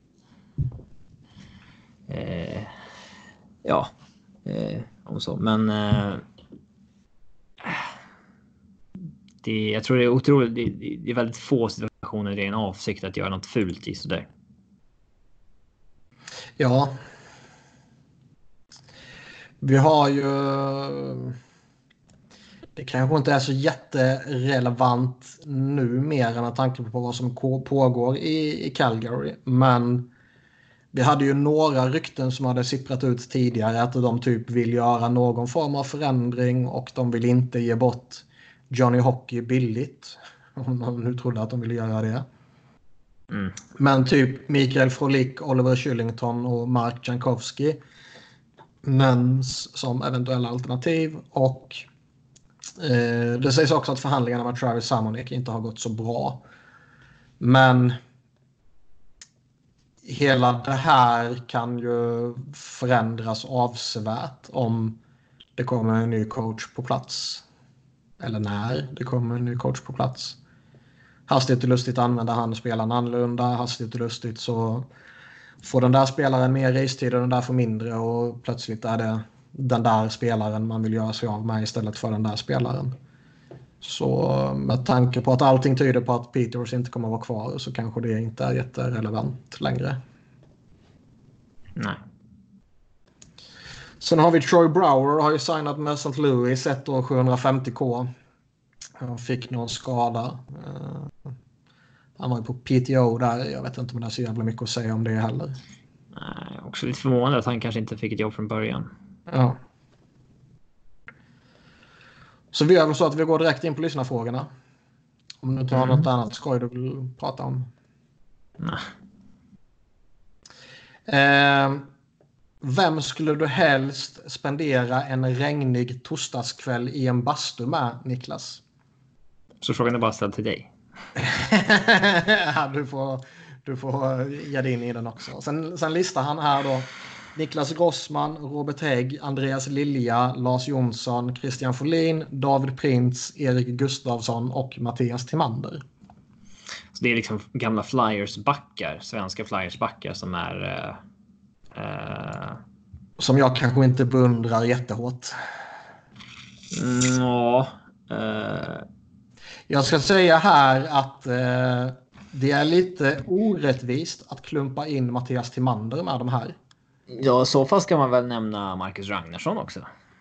Nej, jag menar alltså Ragnarsson. Han var ju bra den tiden han var i Philadelphia. Eh, Timander var faktiskt bra, överträffade förväntningarna under den. Men vi snackar om en helt annan era, alltså länge, länge sedan liksom. Ja, ja, det beror på. Det här var ju Timander och Ragnarsson var ju 03-04 där när de går på, eh, på den här slutspelsäventyret och de torskar mot Tampa efter sju och bommar finalen som jag fortfarande är arg över och där jag är helt övertygad om att Flyers skulle vunnit mot Calgary i finalen sen. Och där Flyers får sjuka backskador under... Tappar Eric Desjardins som visserligen var på ålderns höst men ändå en, en nyttig spelare. Tappar han under grundserien och får massa skador under slutspelet. Till och med så att Sami Kapanen måste få spela back. Spela back All, är, alla lyssnare kan det nu. Och är jättebra. Ja. Men Tibander hämtas ju Där faktiskt in under skulle han, han var... matcherna så skulle vi förmodligen upptäcka att han var inte så jävla bra. Håll käften annars lägger jag på. han, han, var typ... Jag tror inte jag sett en bättre back än honom. Men... men, men eh, Timander kom ju kom in under säsongen och var ju faktiskt jättebra. Så det är lite orättvist att klumpa in honom i det här sällskapet. Ja, och det har ju funnits andra svenska backar som som har varit duktiga liksom, som man inte heller ska klumpa in här. Utan det här har ju en, eh, ett syfte här att liksom lyfta fram dem som jag kanske inte tycker om så mycket. Men frågan verkar vara ställd på ett sätt att vem av liksom de sämsta spelarna skulle du vilja basta med? Ja. Det är intressant att tänka på liksom deras bastu-aura. Eh, jag menar, Filip och Fredrik hade ju rankade en gång i tiden eh, vilka som är eh, eh, sämst eller vem, vem som är minst bastukompatibel och vem som är mest bastukompatibel i landet. Och, När gjorde de det här? Jag minns inte det. Eh, ja, jättelänge sedan. De nämnde listan i alla fall i söndagsparty med Filip och Fredrik och det var ju liksom tio år sedan. och Då sa de att Björn Skifs var den som de rankade högst och han ser väldigt liksom bra ut. Du kan tänka dig honom i bastu verkligen. Liksom. eh, liksom lite svettig och skön sådär. Medan den som man minst av allt skulle vilja basta med är Christian. För han känns liksom lite halare och liksom lite eh, omysigare sådär. Eh, och man förstår exakt vad de menar. ja. eh, och eh, man, då, då, ska vi inte utgå från liksom vilka personer som verkar eh, eh, roligast i bastun. Utan eh, skulle vi göra det, då skulle man ju vilja sitta där med eh, förmodligen Marcus Ragnarsson. Om vi tar Flyers backar. Eh. Ja, om han skulle varit med på listan. Ja. Kim Jonsson skulle jag vara intresserad av också, som faktiskt var en jätteduktig svensk back. Ja, Kjell Samuelsson skulle kunna dra en del rövarhistorier också. Kjell Samuelsson vill man fan ta en öl eller sju med. Ja, Thomas Eriksson också om vi snackar Flyers backar. Ja. Eh, från den eran. Johnny Odoja är ju inte med på den här listan Nej. heller, men han vill man inte prata med. Ja, han... han Inte ur Flyers perspektiv menar jag. Nej. Mm. Men alltså om man pratar eh, om man pratar de som står på listan här så är ju den jag väljer alla dagar i veckan är ju Mattias Timander. Av den enkla anledningen att han spelade med typ alla mina hjältar det året han var där. Mm. Eh, det var, ja, förutom Lindros då. Och typ Brinda Moore. I övrigt var alla där. Uh, han, han, borde, han borde ha lite, några stories även om det inte var jättelänge. Mm. Niklas Grossman känns ju ganska bastukompatibel. Mm.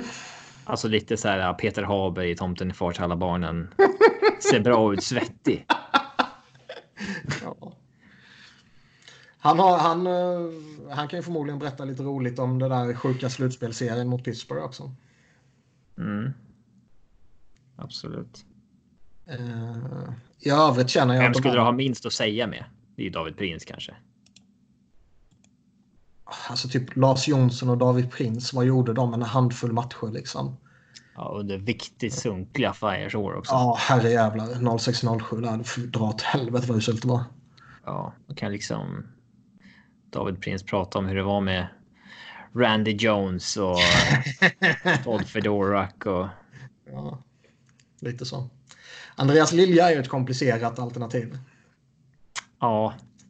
jag, vill inte, jag, jag vill nog inte ha, träffa honom i naken miljö överhuvudtaget. Nej, lite så. Det finns ju en, en, en komplicerad historia där.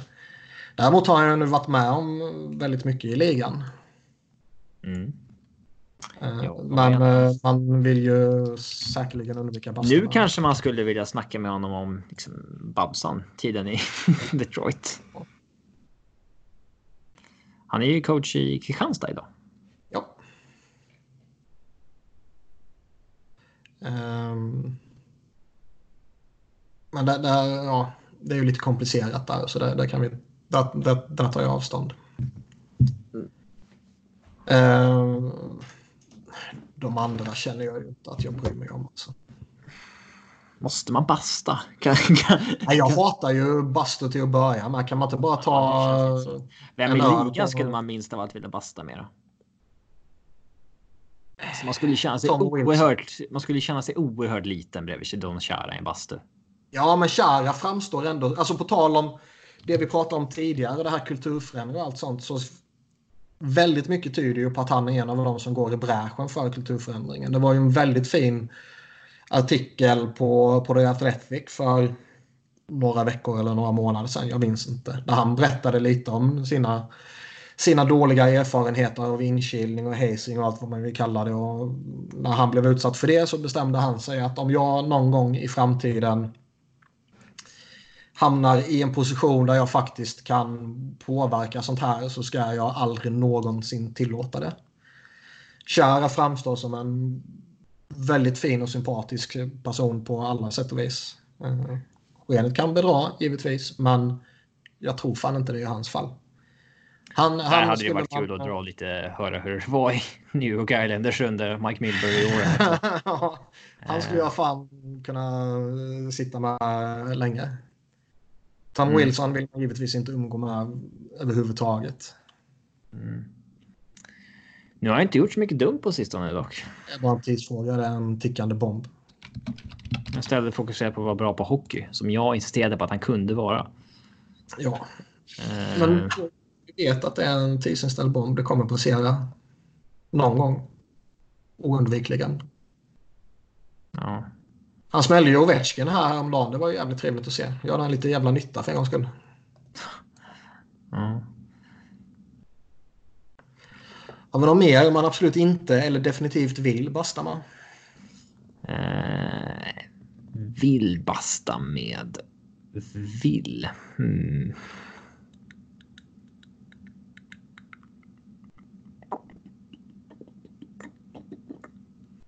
Tänker vi fortfarande på liksom auran här eller tänker vi på vilken person man helst egentligen då tar en öl med? Ta både, alltså, både och.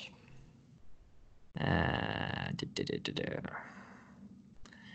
Många svenskar känns ju bastukompatibla som Henke Lundqvist till exempel. Ja, men han vill man inte prata med. uh, uh, han ska envisas med att ha head and shoulders på aggregatet. ja. Uh, jag kan, alltså Chris Pronger skulle vara jävligt spännande. Han har ju grejer att berätta. Ja, men han räknas ju inte. Jaha, vi snackar bara aktuella spelare? Ja. Jaha. Ja, det är väl klart. Eller... Okej. Okay. Uh... Eh.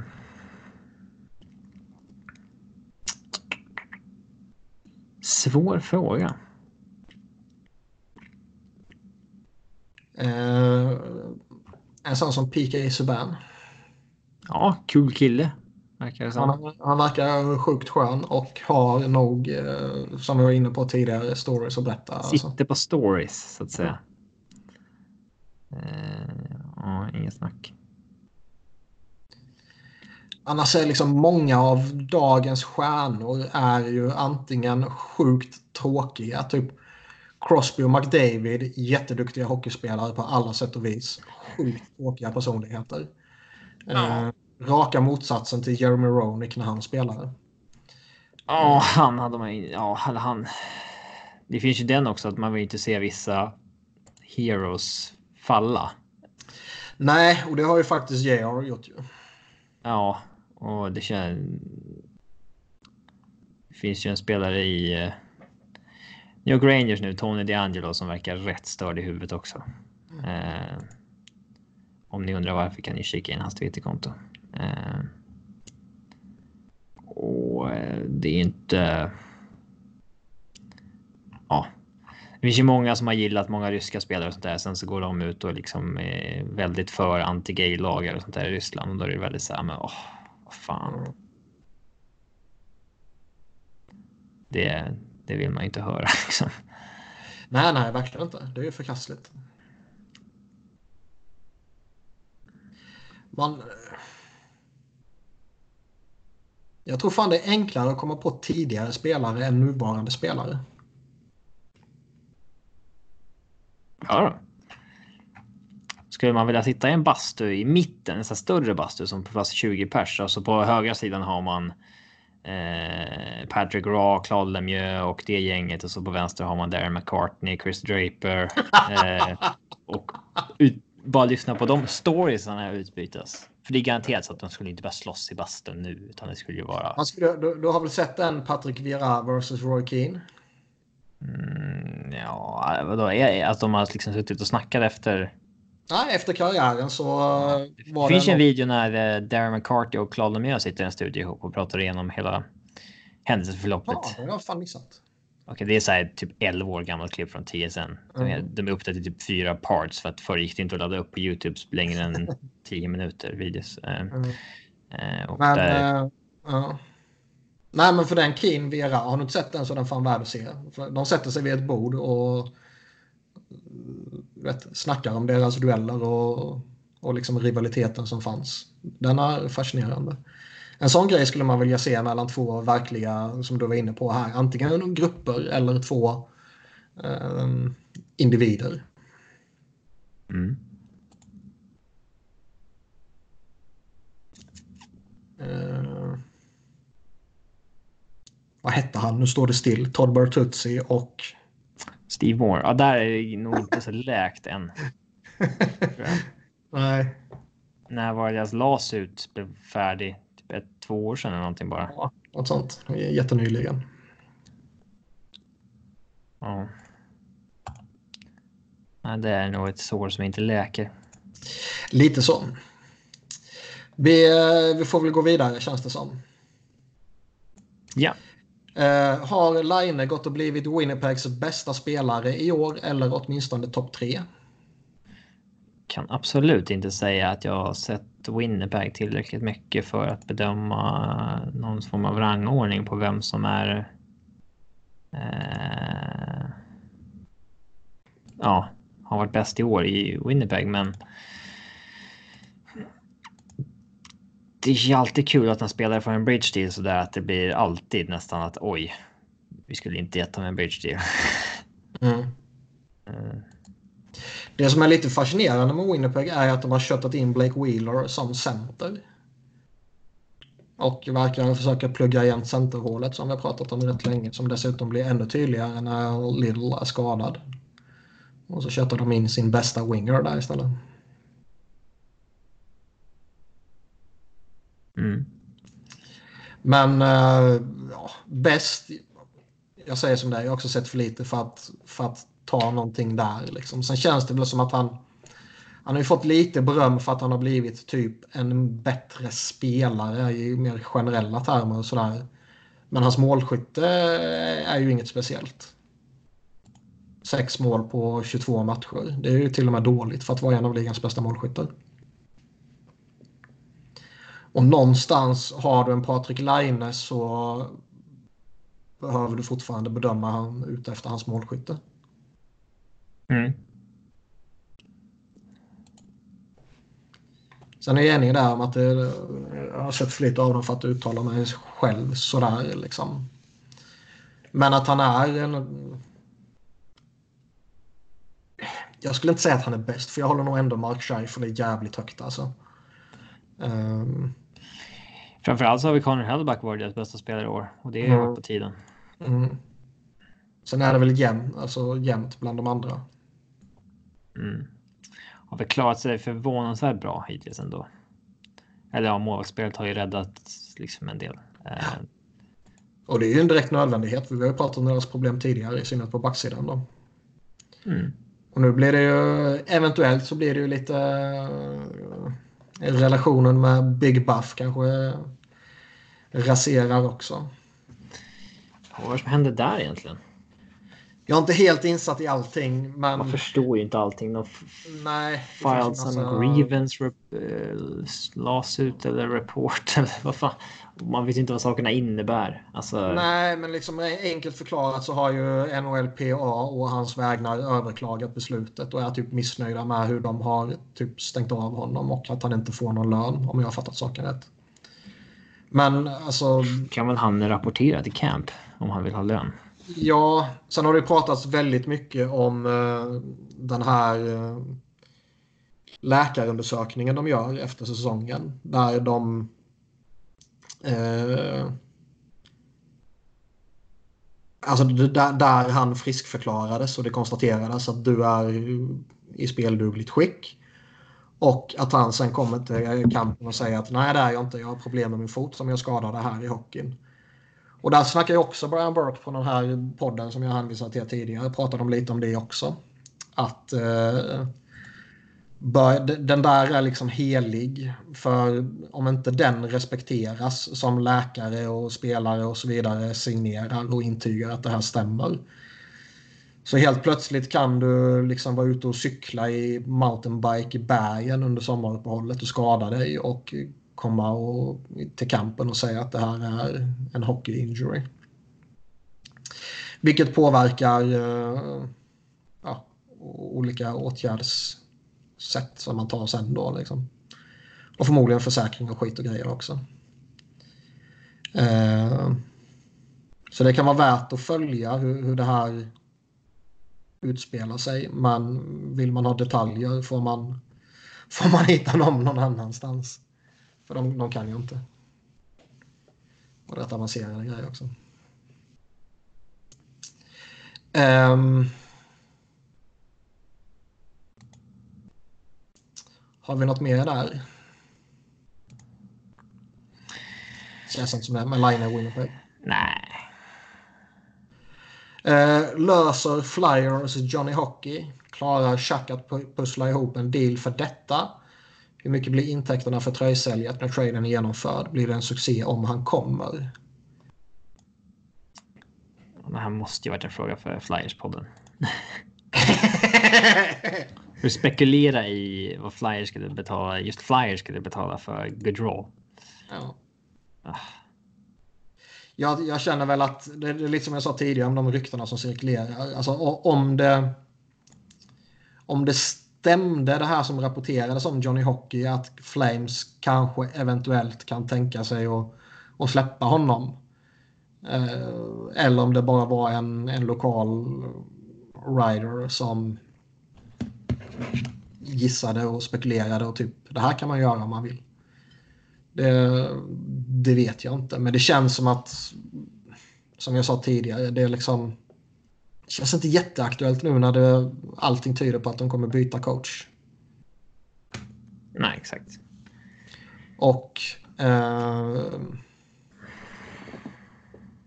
alltså, jag, jag, jag, jag, vi pratade lite om det antingen förra veckan eller i Flyers-podden. Jag minns fan inte. Men jag har svårt att se exakt hur Flyers ska pussla ihop det här för att få honom. För det är liksom... Ja, generellt sett har de pusselbitarna för att lösa en stor trade. Men har de just i det här fallet? Jag vet inte riktigt. Jag tycker inte man behöver gå in jättedjupt i den frågan. Och det är sjukt kontroversiell åsikt när jag säger att vi behöver inte diskutera en Flyers-lyssnarfråga så djupt. Eh, så vi går in på en lista över de sämsta och tråkigaste städerna i NHL. Buffalo. Riktig jävla skithåla på alla sätt och vis. Helt orimligt att man frivilligt flyttar dit eller åker dit.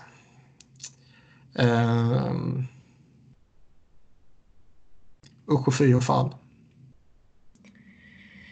Ja, jag har inte varit där. Nej, alltså får du och alla andra helt enkelt lita på mig. Här borde ju Sebbe varit med i och för sig. Här har jag ändå ja. någon form av expertis. Eftersom han bott i USA mer än tio år nu va? Ja, något sånt. Um, Winnipeg är ju allmänt erkänd som en jävla skitstad att bo i. Ja, vi hade den där omröstningen om vart du minst av allt skulle vilja bo och sånt där i ligan och det vart du minst av allt skulle vilja spela och Winnipeg var ju. Ja. Ja, Winnipeg och Buffalo. Ja. Um... Men sen tror väl jag att ja, har du pengar så kan du ju hitta en trevlig tillvaro i alla städer. Alltså det, det, är klart att man bor bra i Buffalo om du hittar någon förort med gated community. Ja. Eh, har du pengar bor man bra där. Men downtown Buffalo är eh, sjukast jag har varit med om. Ja, det är exakt samma snack om Detroit. Ja. Ställen som ligger nära varandra också. Ja, Detroit ska man såklart nämna på en sån här lista också.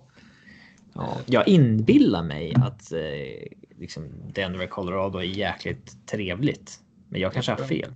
Alltså med liksom bergen och eh, liksom eh, ingen superstor stad så utan du, ja. Nej, men det tror jag. Jag håller med om det. Men den ligger jävligt off. Också.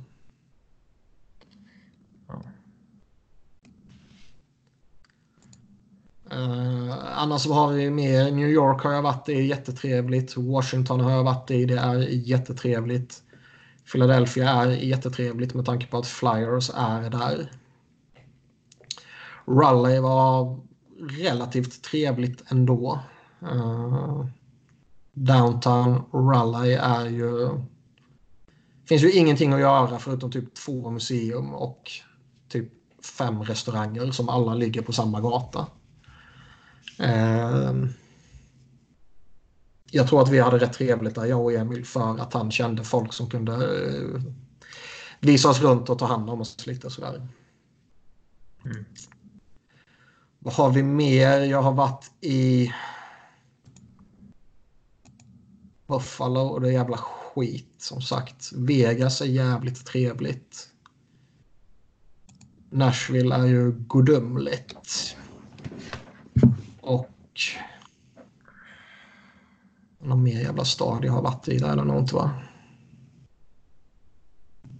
Nej. Men det är väl alltså de sämsta städerna, det är de som är välkända. Detroit, Buffalo, Winnipeg. Pittsburgh. Ja. Jag kan ju killgissa på dem i alla fall. um, jag trodde att St. Louis var en trevlig stad, men det ska också vara värsta skiten. Ja, nu tror jag väl... För det har alltid varit så jäkla många spelare som alltså trivs så jävla bra där. Att alla visste ju här, Stasny kommer flytta dit direkt när han blir UFA. Så men jag tror man kan trivas i organisationen och jag tror väl också man kan trivas i någon form av gated community där så att säga. Men... Uh, David Braun har ju bara skrivit kontrakt med St. Louis. jag tycker det är helt sjukt. Han har representerat fem eller sex klubbar och han har skrivit typ fem kontrakt och alla är signade med St. Louis. Men det är ju i rätt många år tror jag att St. Louis var typ en av de städerna i USA som hade allra flest mord. Eller om det var den som hade flest mord. Nu är väl Chicago... En ganska kriminell stad också. Jag tror Chicago ser upp som etta nu. Mm. Um, men ja, där har ni väl dem. Uh, I fotboll snackas det ofta om spelsystem. 3-5-2, 4-4-2 och så vidare. Men det är inte alls lika vanligt i hockey upplever jag. Hur beskrivs de största spelsystemen, filosofierna i dagens NHL och vilka lag spelar med mest utpräglade system? Tänker framförallt 5 mot 5 men intressant också att höra kring PPPK.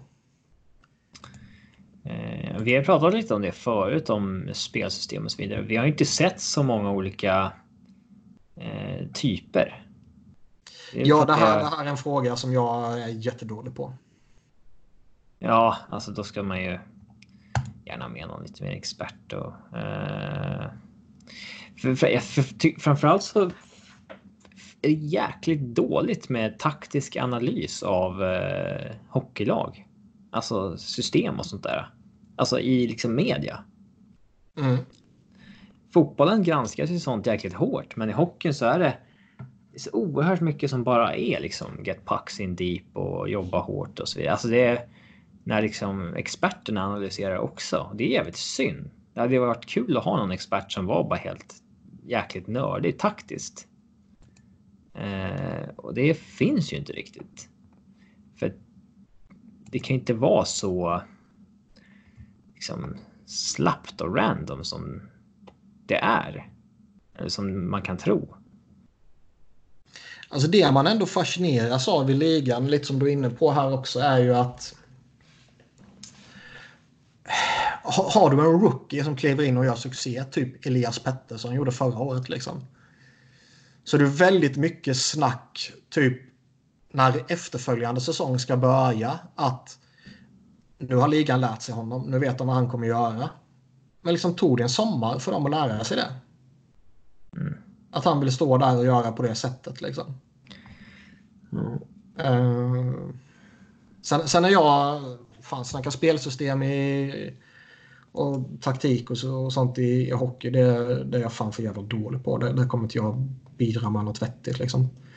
Um, det, det, det, det, som jag, det, som jag, det som är intressant och det som vi har pratat om tidigare det är ju att varför har det inte testats något annat än det, det som alltid nästan alltid i, i begynnelsen var det lite annorlunda. Då var det en spelare mer och helt annorlunda regler beroende på liga och så vidare. Liksom. Men nu är ju hockeyn likadan i princip överallt förutom vissa, vissa få undantag och lite storlek på rink och skit och grejer.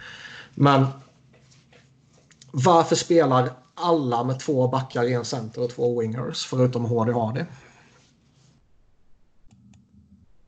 Mm. Och alltså det som han gjorde med både Djurgården och landslaget med torpedhockey och, och Libro och allt vad fan det var och spela någon form av 1-2-2. Eh, ja, men att, att, att, göra det. Det är liksom, kul när det, folk testar något nytt. Det var ju skitskoj att följa. Uh, nu var det så lång tid så man minns ju, i alla fall inte jag, du som är djurgårdare kanske minns bättre, man minns ju inte exakt alla detaljer. Men att gå in och göra en sån grej i... Kanske Djurgården var lite för bra för att man liksom ska riskera att åka ur eller något sånt här. Men det krävs ändå lite mod att göra det i en serie där du kan trilla ut och säga att det här liksom Ja. Det funkar inte alls, det blir en jätteflopp. Man hamnar i en sån här extrem negativ spiral och man lyckas inte rädda säsongen och så dumpas man ner i, i Hockeyallsvenskan och, och, och så är det skit liksom. Men Djurgården var ju först med liksom 1-3-1 hockeyn också eh, mm. innan dess. Eh, där man, ja, New Jersey-modellen helt enkelt. Spela 1-3-1 och stänga igen mittzon helt. Eh, som då, där och då ansågs vara en offensiv hockey men som i efterhand anklagas för att vara en defensiv hockey.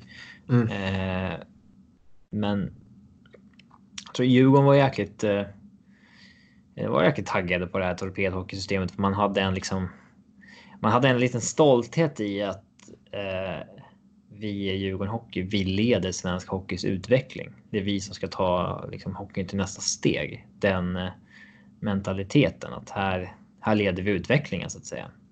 Mm. Eh, sen, eh, ja. Eh, torpedhockeyn i två år, sen tog Hardy och Valtin med sig den till landslaget. Eh, jag vet inte var, alltså. Det hade varit intressant att se. Nu sloppade de ju den så fort de. Ja, de floppade något mästerskap. Och det hade varit intressant att se vad som hade hänt ifall man liksom stod på sig genom den perioden istället kanske. Mm. Det, är inte så, det finns ju inte lag som håller i olika eh, har liksom olika spelmodeller så växla mellan. Det, det har vi ju inte. Men de, det, vi har ju haft flera lag som har liksom hittat framgång på olika sätt. Vi hade ju New Jersey som vann med sin defensiva 1-3-1 eh, modell och sen så eh, hade vi ju Kings som blir jävligt eh, framgångsrika med sin oh, kasta puckar på målmodell där man mm. inte tog sig till liksom, så mycket målchanser utan jobbade Corsi-modellen att säga att kastade på otroligt mycket puckar på mål. Eh, och sen eh, Chicago liksom och i samma veva hade en framgång med liksom en fartfylld offensiv liksom passningsorienterad hockey. Eh, och eh, för min del så jag har inget så krav på att mitt lag ska spela någon form av underhållande hockey, utan för mig har det alltid handlat om att du ska utföra din modell på bästa sätt. Välj en modell och så gör den så bra som möjligt. Då eh, det är det det handlar om, tycker jag. Det man kanske kan tillägga här är ju att jag är lite förvånad att det i powerplay inte används mer eh, mer situationer där man styr spelet bakom mållinjen. Nej, det har ju dött ut lite grann. Ja, och... Fan, jag, jag, tycker att det spontant är jävligt intressant och borde vara uh, värt att utnyttja ännu mer. För du ställer ju till några jävla problem för målvakten. Han kommer inte se ett skit vad som händer och vad du tittar och vad du tänker slå passningen eller vad som händer framför Plus honom när han tittar över axeln. Liksom. Blir du, alltså blir du hyfsat okej okay på Svesjnikov-grejen då vet ju målvakten att jag kan fan inte bara sitta och kolla framåt och vänta ifall vad som händer. Jag måste ändå kika ifall eh, vad han hittar på där bak. Mm. Eh, Sen är det liksom typ världens bästa spelare genom alla tider utan någon som helst konkurrens gjorde det området till sitt kontor. Mm. Var det alltså, Det känns mer som kanske överdrivs efter. Ja, det är lite överdrivet. Det är det ju givetvis. Men liksom det, det, är ju ändå. Det ligger ju ändå någonting och bubblar i det liksom. Det är inte som Ovechkins kontor som verkligen är. Nej, nej. Det, det är ju överdrivet givetvis, men det ligger ju lite i det. Uh, borde inte det ändå betyda någonting? Eh, ja. Och jag tycker ju när man ser de få gångerna. Men vi har inte så passningsorienterad hockey längre. Alltså vi har ju allt färre playmakers och betydligt jo, fler skyttar. liksom. Absolut, men om det någon gång ska ske så är det ju PP. Ja. Eh, så är det väl. Nu, vi ser ju mycket lag som fokuserar i PP på att skjuta från blå, vilket är lite förvånande i och med att det har blivit så oerhört eh, hårt statistiskt bevisat att det är typ det sämsta avslutet du kan ta i powerplay. Mm. Att du då med en man ner borde kanske fokusera på att ta det till andra avslut. Ja. Mm. Vilken statistik, alltså vilken, ja. Nu säger jag att det är statistiskt bevisat att det inte är bra att skjuta från blå i PP. Eh, och den kan jag förstå liksom när jag tittar på det. Men har du någon sån här grej som du har jäkligt svårt att ta till dig? Som är statistiskt bevisad nu? Alltså vilken som helst. Du har varit in lite före på att typ Radko Goda skulle vara bra. Och sådär. Eh, alltså Gudas är ju bra tycker jag. Däremot så hans corsi-siffror dopas ju av att han skjuter så fort han får pucken. Till, fan till och med i mittzon liksom, kan han skjuta mot mål. Sen om det är... Nu, nu, nu tror jag, jag tror liksom att Analytics har ju blivit en väldigt stor grej och eh, flera lag är ju nu väldigt eh, involverade i, i sådana saker. Och jag tror att det kanske i bakhuvudet kan påverka spelare hur man gör. Liksom. Men jag tror ju inte att man får pucken och skickar den på mål för att nu ska jag skapa mig en bra course. Liksom. Nej, då sätter du upp eh, coachen ganska snabbt. Ja, däremot är det någonting du har svårt att ta till dig trots att siffrorna säger att så här är det? Nej, jag tycker han är bra, men, men liksom... Ja, men det är ju inte för att hans corsi-siffror säger det. Liksom. För det märker man när man tittar på honom. Han skjuter ju hela tiden. Liksom. Hade du svårt att ta till dig att eh, det sades att Jero var på kraftig nedgång där ett tag? Det var ju lögn. Det vet både du och jag. Ja, men det var ju ganska tydligt det var kanske, det var, det var kanske jag ser siffrorna, jag eh, ignorerar dem bara för de finns inte. Eller de fanns inte. Mm. Men den, eh, hade du svårt att ta till dig den då? Så att säga? Jag tog inte till mig det överhuvudtaget givetvis. Det, det vet du eftersom du känner mig. ja, men något annat allmänt. Jag har ju en grej som jag har lite svårt att ta till mig trots att alla som jobbar med statistik säger att så här är det. Jag kommer faktiskt inte på någonting så här på rak arm. Ska jag säga vad det är jag tänker på då? Mm. Jag har jäkligt svårt att ta till mig det här att det ska vara jättebra att ta målvakten så tid som möjligt. Utveckla. Liksom, eh, vi har ju sett coacher brukar ju ta den vid typ en och en halv minut. Mm. Men statistiken säger att du ska göra det med kanske fyra, fem minuter kvar. Mm. Argumentet är ju att du kommer förlora matchen ändå eftersom du ligger under. Men med score effects så vet vi att om du ligger under med några minuter kvar, då är det liksom lite automatiskt du som får tryck. Du. Jag ser inte riktigt det rimliga i att satsa allt på ett kort så himla mycket tidigare när du du kommer ju ha spel 5 mot 5 och ha förmodligen ett övertag då.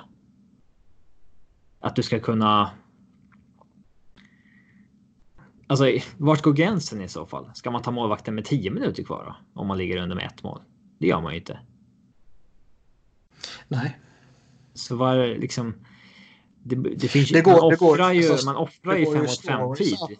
Det är inte bara att du ökar din 6 mot 5 tid det är ju bra att du gör, men du offrar ju 5 mot 5 tid där du hade kunnat. Okay. Det går ju jag... stå som Fred Shearer och Flyers coach på 70-talet att han typ när Flyers ledde matchen med 6-0 och så i andra perioden plockar han målvakten och så gör de två mål och så blir det lite mer spännande. jag, jag vet inte hur grundliga de här liksom, analyserna har varit, men man får ju aldrig kvitto på vad som hade hänt utifall du inte gör någonting eller om du hade gjort någonting. Om någon plockar målvakten med eh, fyra minuter kvar och de släpper in ett mål. Då säger man ja, men vi följer på att förlora matchen ändå. Ja, men du kanske hade gjort kvitteringen med tre minuter kvar i spel 5 mot 5. Mm. Den, den liksom datan får vi inte. Du, vi får ju inte... Alltså, ja, nej, jag är med på vad du menar. Den är ju skitsvår givetvis. Det är ju bara en massa what ifs. Eh, en, en siffra som jag kan ställa mig jävligt skeptisk till och som i, ändå i längden påverkar viss form av statistik är ju istiden. Alltså om den stämmer? Ja, alltså har en spelare faktiskt spelat 17.32? Eller är det liksom egentligen Förr tror jag att den kunde kanske inte stämma helt perfekt, men nu är det ju väldigt databaserat det där så att det liksom är förmodligen på hundradelen rätt i princip. Jag vet fan alltså. Jag är fortfarande skeptisk till den, för jag vet inte exakt hur det sköts. Uh... Om, vi, om vi då kommer in på en annan sport så det är absolut inte lita på i officiell eh, bollinnehavsstatistik i fotboll. Nej, nej, den, den är ju liksom, hur fan mäter man den? Det, det är ju omöjligt. Ibland är det inte någon som har ett aktivt ja. innehav. Och vad gör de då? Ja, men jag har hört historier om från liksom svenska fotbollsläktare att ja, man trycker på att bortalaget har bollen, sen går man och hämtar kaffe liksom. Mm. Och kommer tillbaks eh, en minut senare. Det är inte. Ja, den är svårt att lita på. Men eh, när jag plockar målvakten, där har jag svårt att ta till mig slutsatsen av analysen. Ja, eh, jag vet inte vad jag tycker där. Rent logiskt så är det ju... Eh, alltså... Det är ju någonting som gör, och jag tror det är... Och gärna se, alltså när du ska försvara en uddamålsledning så är det ju någonting som gör att du nästan alltid hamnar i egen zon. Ja, du har ju redan ett tryck då. Men inte nej, nej, nej, nej, nej, jag, nej, men jag menar alltså i... Um, i alltså i... Uh, vad heter det? När, när de har plockat målvakten. Ah, ja, då är det redan ner. Ja. Så rent logiskt så är det klart om du gör det med fyra minuter kvar så har du större chans att etablera långt tryck i offensiv zon än om du gör det med en och en halv minut kvar. Men jag förstår ju vad det är inne på. Men jag vet inte vad jag, jag tycker analysen, jag, jag, jag har granskat analysen fullt ut, men det känns så bristfällig att man liksom inte tänker på den förlorade 5 mot 5 tiden där man liksom har bevisat sedan tidigare att du kommer ha score effects kommer göra att du har ett övertag redan. Mm. Eh. Men det är ändå, jag, jag tror ändå att folk folk kommer, alltså är du, är du fler spelare på isen Mm. Så, så kommer det ju per definition ge dig större möjligheter. Typ. Ja, men varför plockar du inte den vid 12 minuter då? Ja, jag vet inte. För att det är oerhört osannolikt att du ja, nej, sex alltså, minuter ska hålla, i, hålla ett puckinnehav. Eh, Absolut. Och om du... Men man kan ju vända på det också. Om du gör det vid sex minuter och de gör mål så att de har en tvåmålsledning så har du fem och en halv minut på dig att hämta upp två mål istället för en minut. Om du, får ett, om du ligger under med ett mål, du får ett PP med fem minuter kvar. Tycker du att du ska ta på målvakten då? Då nej. känner jag också lite så att nej, man har ju redan övertaget av PP. Du har redan övertaget och det verkar ju faktiskt vara så att man typ inte tränar på 6 mot 4 och därför vet man inte vad man ska göra. Ligger man under med två mål dock, då kan det ju vara värt att uh, mm. trycka extra.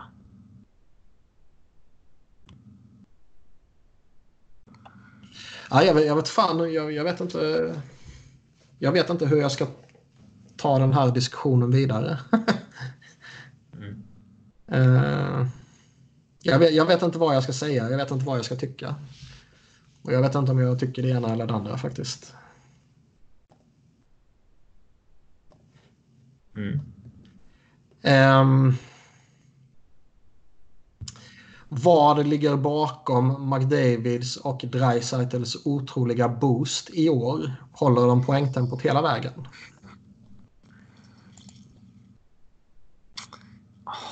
Alltså, är deras boost så mycket bättre än i fjol? Det, ja, det är svårt att veta för alltså. Ja visst, nu ligger de nästan på två poäng per match, men. Jo, men jag är 100% övertygad om att det i längden kommer liksom dala av. Ja, de kommer inte landa på 130 poäng var. Mm. Kanske McDavid, men inte Dreisaitl. Mm. Uh, um. de, drog, de bar ju sin vikt i fjol också. Så det är inte så jäkla eh, konstigt tycker jag. Alltså det är samma sak fortfarande. Alltså då, resten av ligan bidrar ingenting. Knappt. Nugent Hopkins är ju oerhört ja, resten av laget menar du? Ja, inte ligan. ja, nej, jag, så, jag, jag, är inte säker på att det där håller hela vägen in. Alltså Oilers. Eh, så, så, det är... Jag tror det finns bättre förutsättningar nu med tippet. För jag, han, han, är en duktig coach tycker jag. Ja, det är väl skillnaden. De är mer välcoachade. Men det är fortfarande ingen produktion utöver McDavid och Dreisaitl. Hopkins bidrar ju alldeles för lite. James Neal har gjort lite baljor. Ja. Ja, han bidrar ju mer än, än Lucic liksom. Men det är en ganska liten förändring. Liksom. Eh, jo, jo, men... Sen, uh... sen har ju Koskinen uh, inlett säsongen uh, ja, bra, så att säga. Jag tror, fan, jag... tror fan det snarare är eh, tippet som är en faktor där än Koskinen själv. Alltså. Ja, men alltså de har i alla fall inte. De har fått above average målvaktsspel. Jo. Eh, och sen får vi se hur det går när det kanske dalar en sväng. Mm. Både Smith och Koskinen har varit bra. Och, men sen. Eh, det, är liksom, det är 30 poäng ner till Zach Cassian som är trea i poängligan i deras lag. Ja, det är eh, fascinerande. Ja. Nej, nu spelar de för sig. Uh, mm, de är. Alltså Pacific är inte uh, så tuff kanske. Det blir nog jobbigare i Central. Jo. Men, ja, vi får se. Jag är inte alls säker att Oilers liksom håller vägen in. Nej, det är långt ifrån. Den, den här ligan är ju så jäkla unpredictable. Så att det, alltså hade vi inför säsongen ställt frågan till varandra. Säg tre lag som ni satsar liksom allt ni äger och har på att de här tre går till slutspel. Man hade ju inte vågat göra det. Nej. Visst, man hade sagt Tampa, man hade sagt eh, Boston och sen typ eh, Washington kanske. Men mm. det känns tryggt i att alla de inte kommer, alltså no, att någon av dem inte har en säsong där man kommer. Nej, alltså tittar vi på det nu så är ju Vegas, Nashville, Tampa, Toronto utanför slutspel. Man hade kanske, man hade kanske sagt San Jose. Ja, och eh, alla de fyra skulle förmodligen vara på topp tre i väldigt många fall. Och visst, nu är vi bara efter ett drygt 20-tal matcher in och mycket kan förändras. Vilket gör att vi kommer in på nästa fråga. Vilka lag vänder på sin säsong? Uh, det finns ju knappt några lag som ligger efter. Så det är inte så mycket att vända på. Uh, men tittar vi i East så... Här får man väl vända, alltså här får man väl tolka det som att typ Tampa och Toronto kan vända på sin säsong. Ja, ja Tampa och Toronto tror jag kommer gå till slutspel. Mm. Eh, övrigt bakom dem tror jag inte har någon större chans. Rangers, Buffalo, Columbus, eh, eh, Ottawa. Kan New Jersey vara ett sånt där lag som får ordning på bitarna? Eh, 30-40 matcher in och kommer från push. Kanske, men jag undrar om de kanske har grävt ett lite för djupt hål för sig själva. Och eh, det helt enkelt blir en för stor utmaning att ta ikapp allting. Uh, Eh, Calgary i eh, väst tror jag tyvärr är ett lag som kan komma eh, igång. Ska bra. Det finns ju fan inget lag i väst man vågar räkna ut egentligen utöver. Ja, alltså Kings kommer inte vara med. Minnesota kommer inte vara med. Uh, kan absolut se uh, Chicago gå på en streak och vinna ett par matcher och sen vara med. Um, Ja, men inte av en hel säsong. Jag menar, alltså Dallas var ju avskrivna efter tio matcher. Mm. nu ser de hur bra ut som helst igen. Ganska många lag som Ja, i väst är det fan inget lag man skulle våga svära på att de här håller hela vägen in. Alltså St. Louis Nej, har liksom alltså... plus fem trots att de leder. De har inte liksom varit dominanta. Alltså de, de två lagen som det typ känns säkrast att de kommer gå till slutspel är ju två lag som inte ligger på slutspel för tillfället. Tänker du på San Jose? Nej, de har gärna wildcard-platsen. Jag tänker på Vegas och Nashville. Som jag är helt övertygad om att de två kommer lösa. Mm. Sen kanske det inte innebär att de tar några toppplatser. Utan det kanske är så att de kryper in på wildcard-plats. Men eh, känner mig ändå rätt så övertygad att de kommer lösa det här. Ja. Så tillvida att man går till slutspel. Sen kan man ju, sen säger jag inte att de är några slutspelsfavoriter i dagsläget. Men eh, det borde de fan lösa. Eh, vem av er tre kan odla bäst Movember-mustasch? Äh, fan, ingen aning alltså. Jag har ju haft eh, skägg i typ all evighet. Mustasch är förbannat fult oavsett. Alltså det... Det är, väl, det är väldigt få människor som kan bära upp en mustasch med värdighet. Ja, det är typ eh, Tom Selleck och Adolf Hitler. Selleck. ja. ja. Paros hade eh, eh, en cool mustasch. Fast det är lite, lite åt det hållet. Är ju liksom, det är mer... Um, det är mer lite roligt, lite coolt. Medan typ Tom Selleck är ju... Det är propert och fint. Den sortens mustasch är det extremt få som kan bära upp med värdighet. Um, jag har inte Sebbe odlat mustasch någon jävla gång. Någon november. Ja, det är säkert. Känns som en grej han skulle göra. Ja. Uh, jag tror han skulle...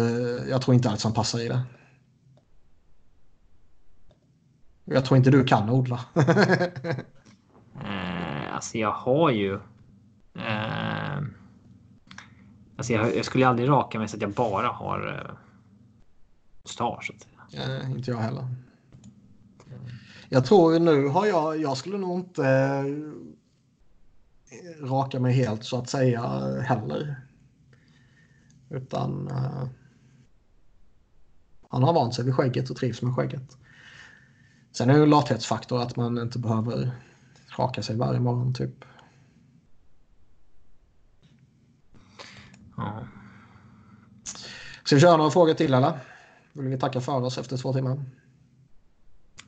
Ja, nej men kör. Vi något kul?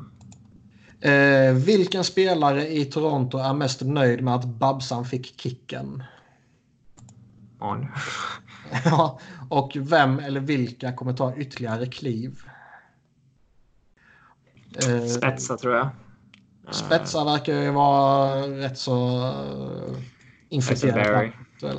Barry har ju... Sheldon Keefe uh, gav ju direkt han en större roll. Ju. Ja, lite fusk att de redan hunnit spela på matcher och mm. eh, visa en del. Men... Eh, alla kommer ju, är ju bara helt överlyckliga. Ja, vem? Det var ju inte några Babcock-spelare kvar. Alltså... Nej. Så då. Nej, jag, jag, kan inte komma på någon som inte skulle vara. Um, är power forwards ett utdöende släkte? Kommer de att försvinna precis som enforcers?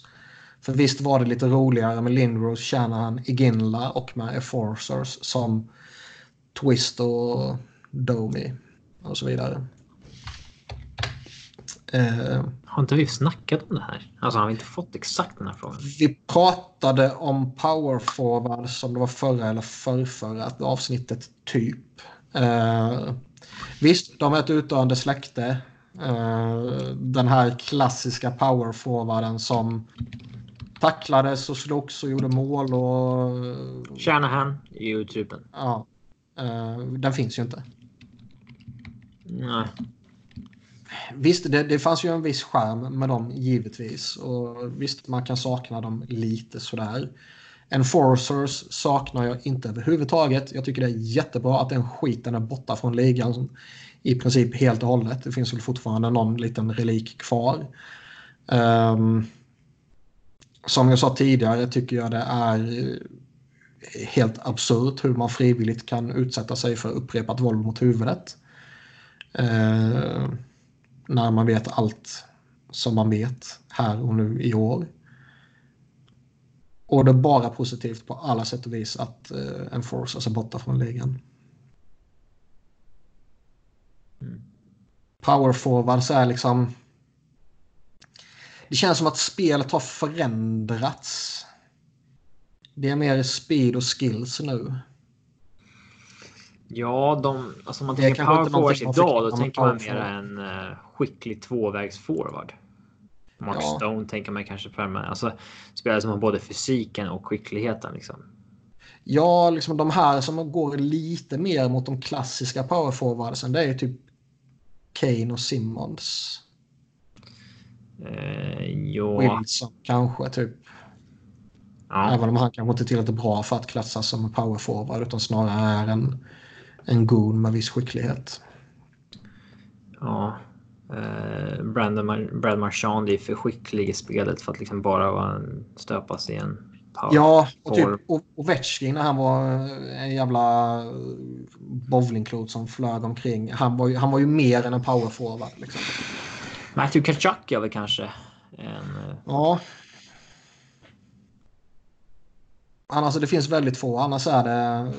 Och det, det tror jag nog har att göra mycket med att eh, spelet är helt annorlunda och utvecklingen av spelarna är helt annorlunda. Det finns ju några som har tagit mycket utvisningar som är forwards, typ så här Brendan Lemieux och Nick Ritchie. Och då är ju spelare som... Ja, de är väl kanske power forwards, men de har inte skick, eh, skicklighetsnivån för att liksom vara med att, ja, nämnas som power forwards på det sättet. Så de klassas mm. fortfarande som grinders bara.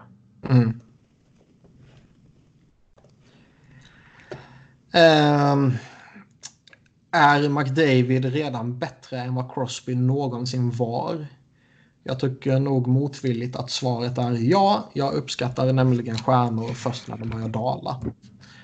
Och det var hela frågan. Det var inte jag som svarade på den där, även om det mycket väl skulle kunna låta som ett Niklas Wiberg-svar. Eh, de är oerhört olika i sin dominans, Crosby och eh, McDavid. Båda mm. är fascinerande på jäkligt olika sätt. Mm. Eh, McDavid har ju en talang och eh, en talang som vi inte har sett eh, under vår livstid. Liksom. Eh, en förmåga att göra spela hockey i en otroligt hög fart. Han är inte bara snabbast i ligan utan han är skickligast också. Och liksom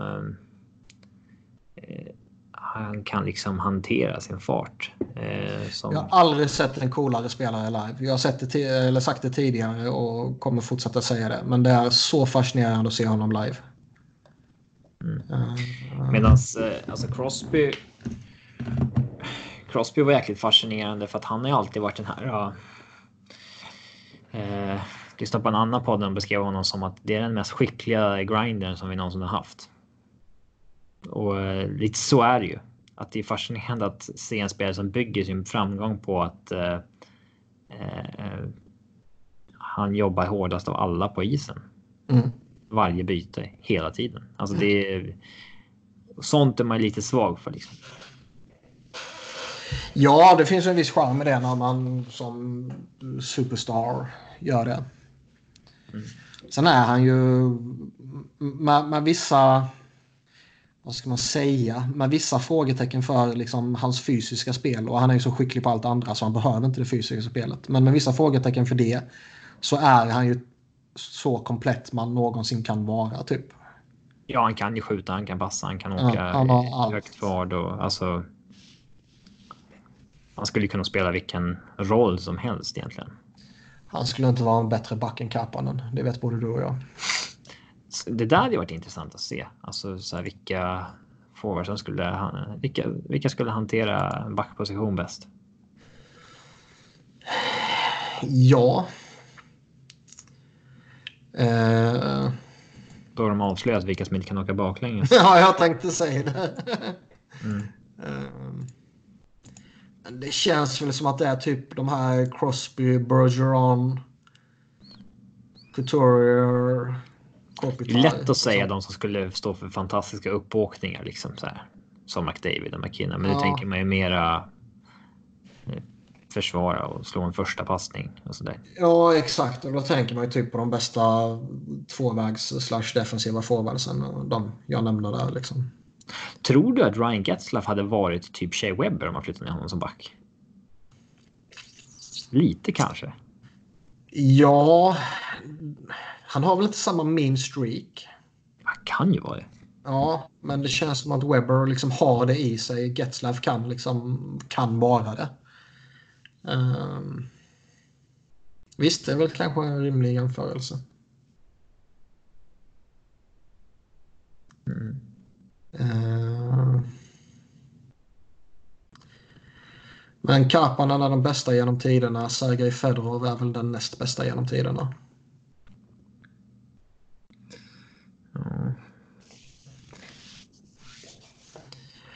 Har vi några mer roliga spelare? Det har vi väl fan inte tror jag.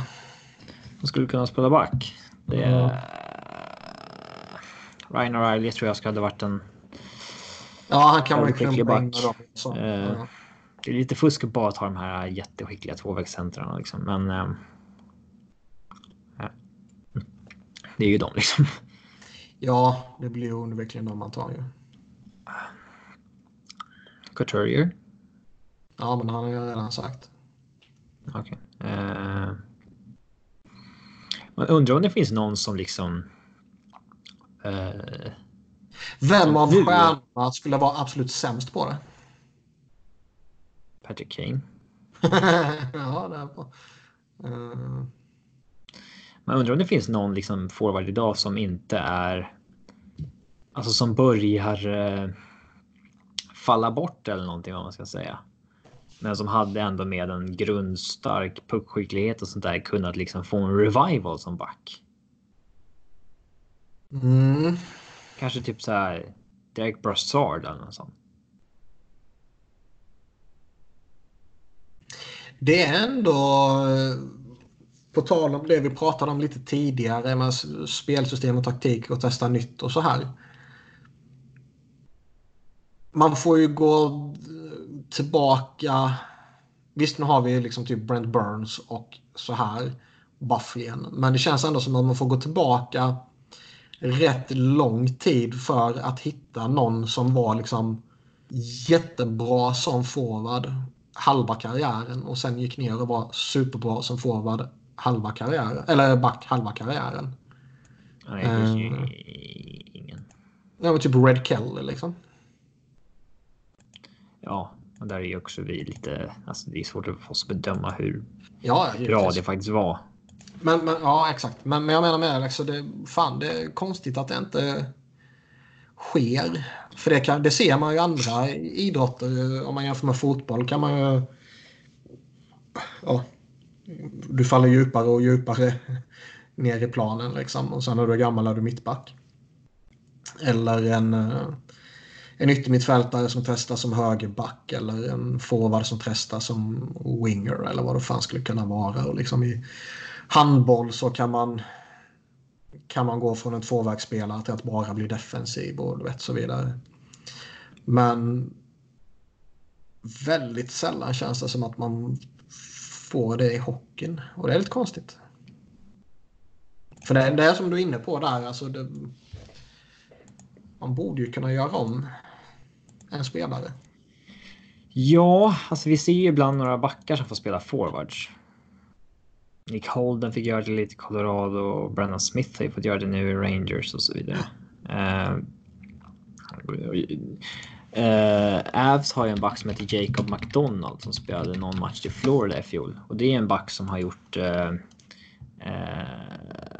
ja, vad har han gjort? I fjol gjorde han 43 poäng. Man har gjort över 20 mål och så där som back i AHL.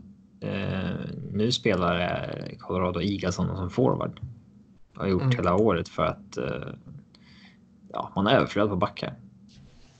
Och så här, det är ju bara någon.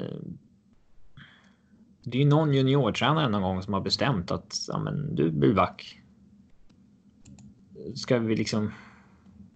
Måste vi hålla fast vid det då hela? Hela deras karriär. Det kanske liksom inte alls passar dem bäst. Nej, så är det ju.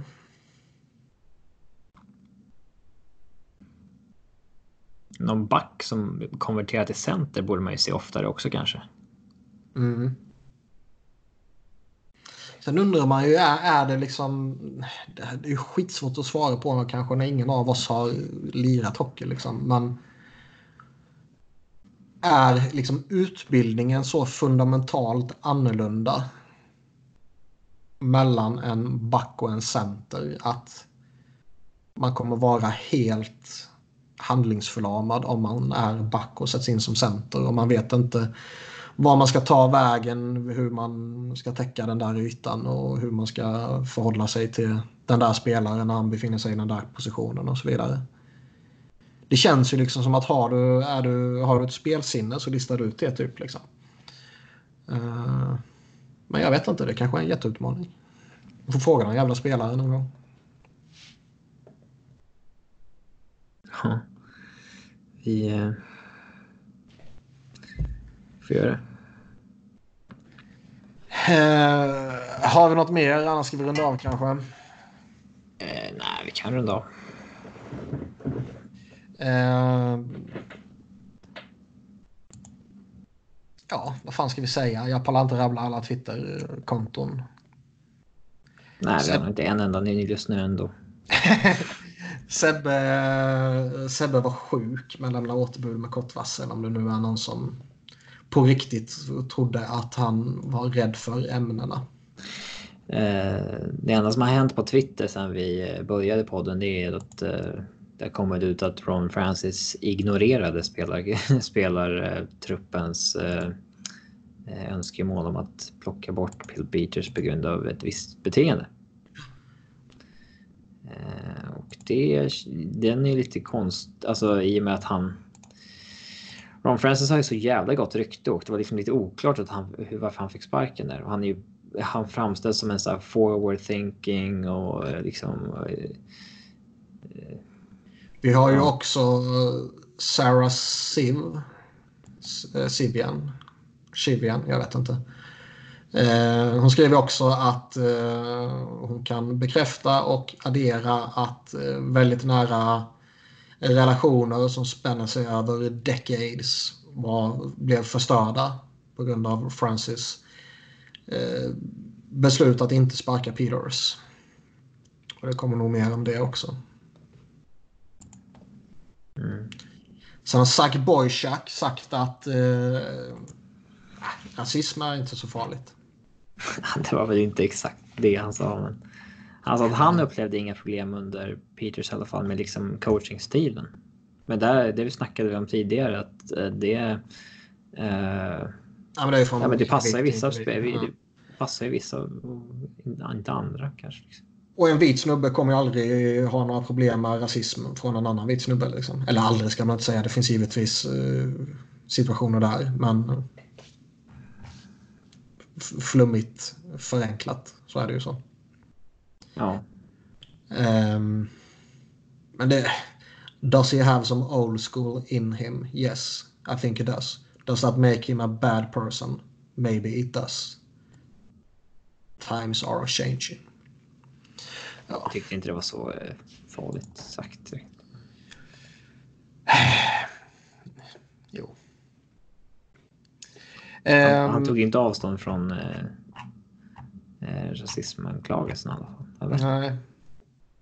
Som sa tidigare, det känns som att eh, det här snöbollen bara har börjat eh, rulla. Och, eh, Precis som väntat är det ju Carolina fokus hamnar på. Ja, jävla skitorganisation. Ja. Ehm, men ja, nej, med, med de fina orden så rundar vi väl av och tackar för oss. Och eh, ja, hälsar er välkomna tillbaka nästa gång. Yes.